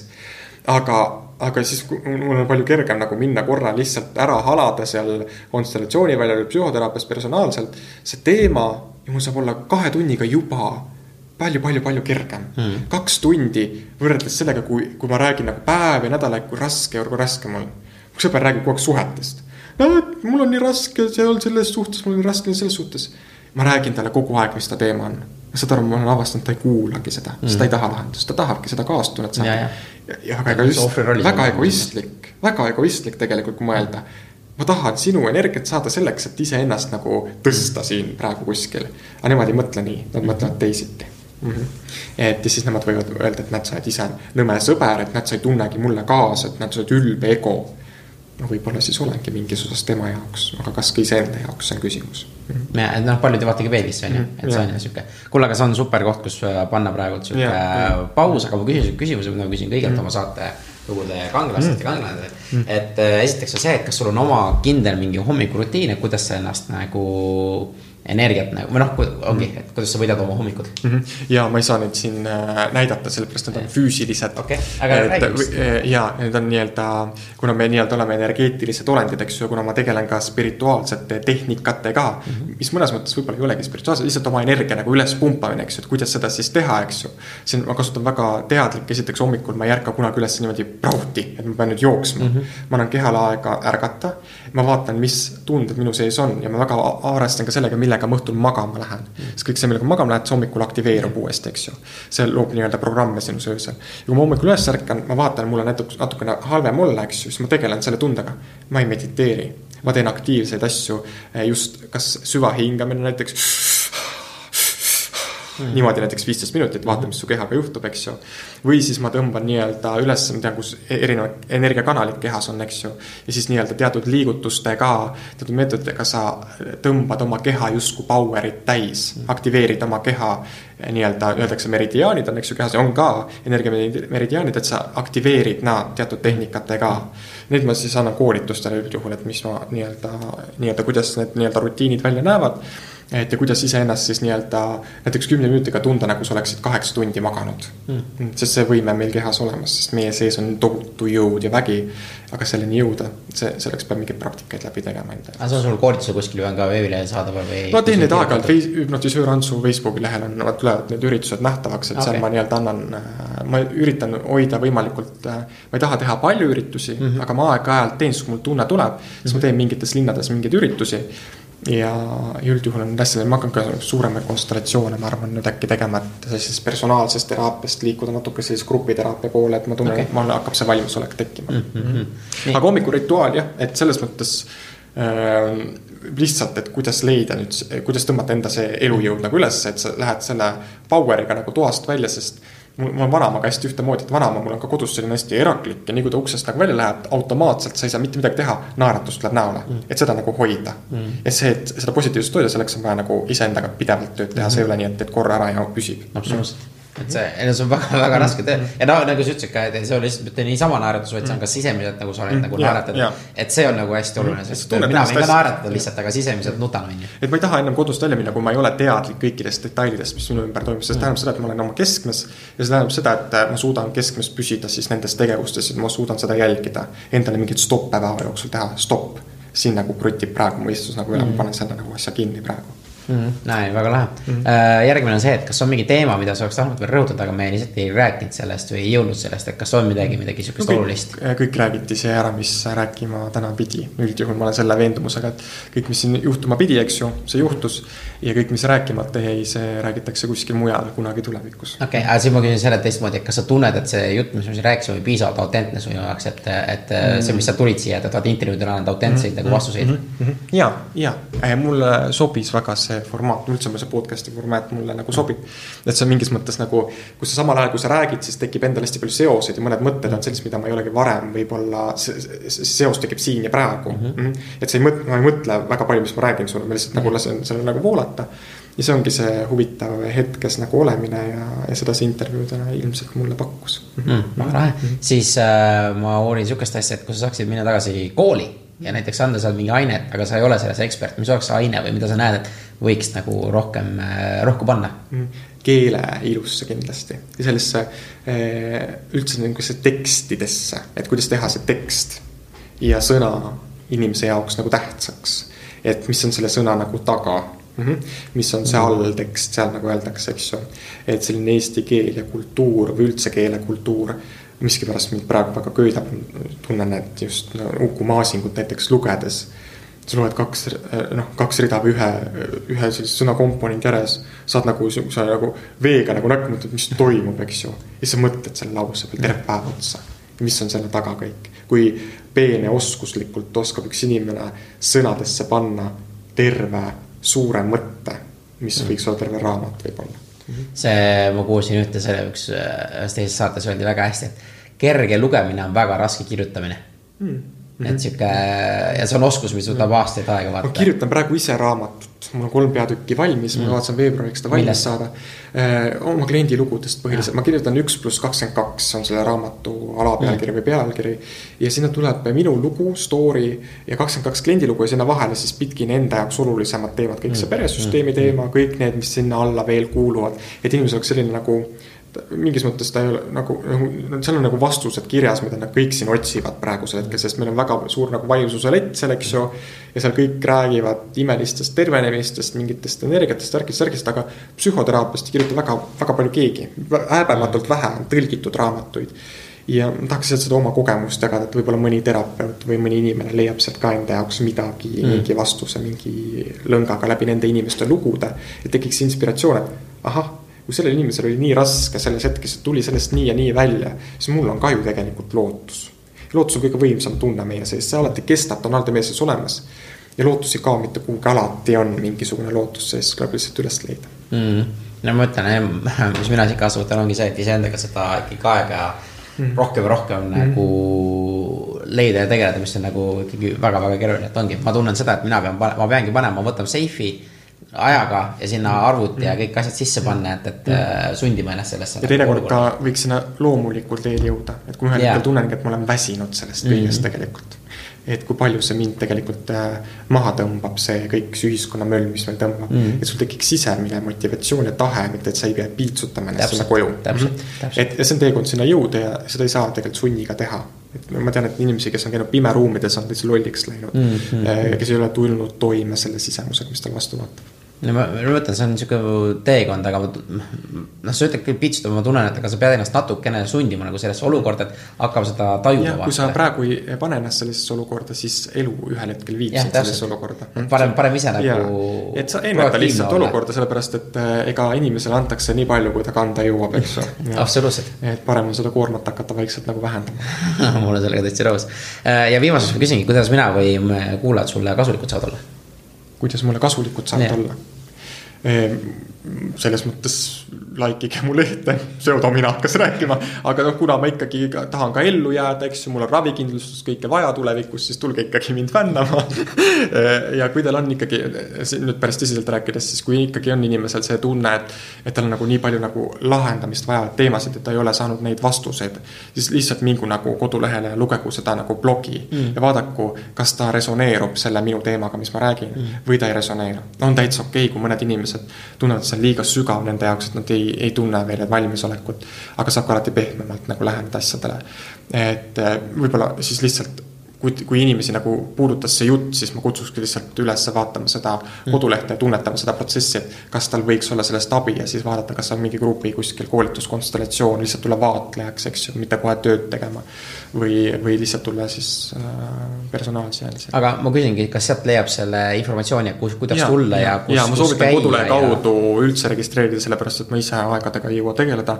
assistent annab kõik vajaliku informatsiooni inimesele alati kiiresti kätte mm,. aga neid, ma ütlen neid. Äh, ja seal on, seal on kõik, ja seal, seal on kõik nagu... üritused, kõik asjad on üleval mm, -hmm. et seal on kogu, kodulehel on kõik, kogu informatsioon üleval ja seal on ka lingid siis Facebooki ja Instagrami ja edasi väga lahe. Ja ma lihtsalt äh, uurin, et lihtsalt ka teiste nagu psühholoogid, et neil, neil leiab veel nagu just see konsultatsiooni ja see ja, perekonna ja, ja need- kui sa paned Google'isse konstellatsioonid, siis sealt ikka tuleb välja. Aa, väga Eestis on see nii-öelda tõstmas trendi, et väga paljud inimesed ei tea veel, mis see on, eks ju.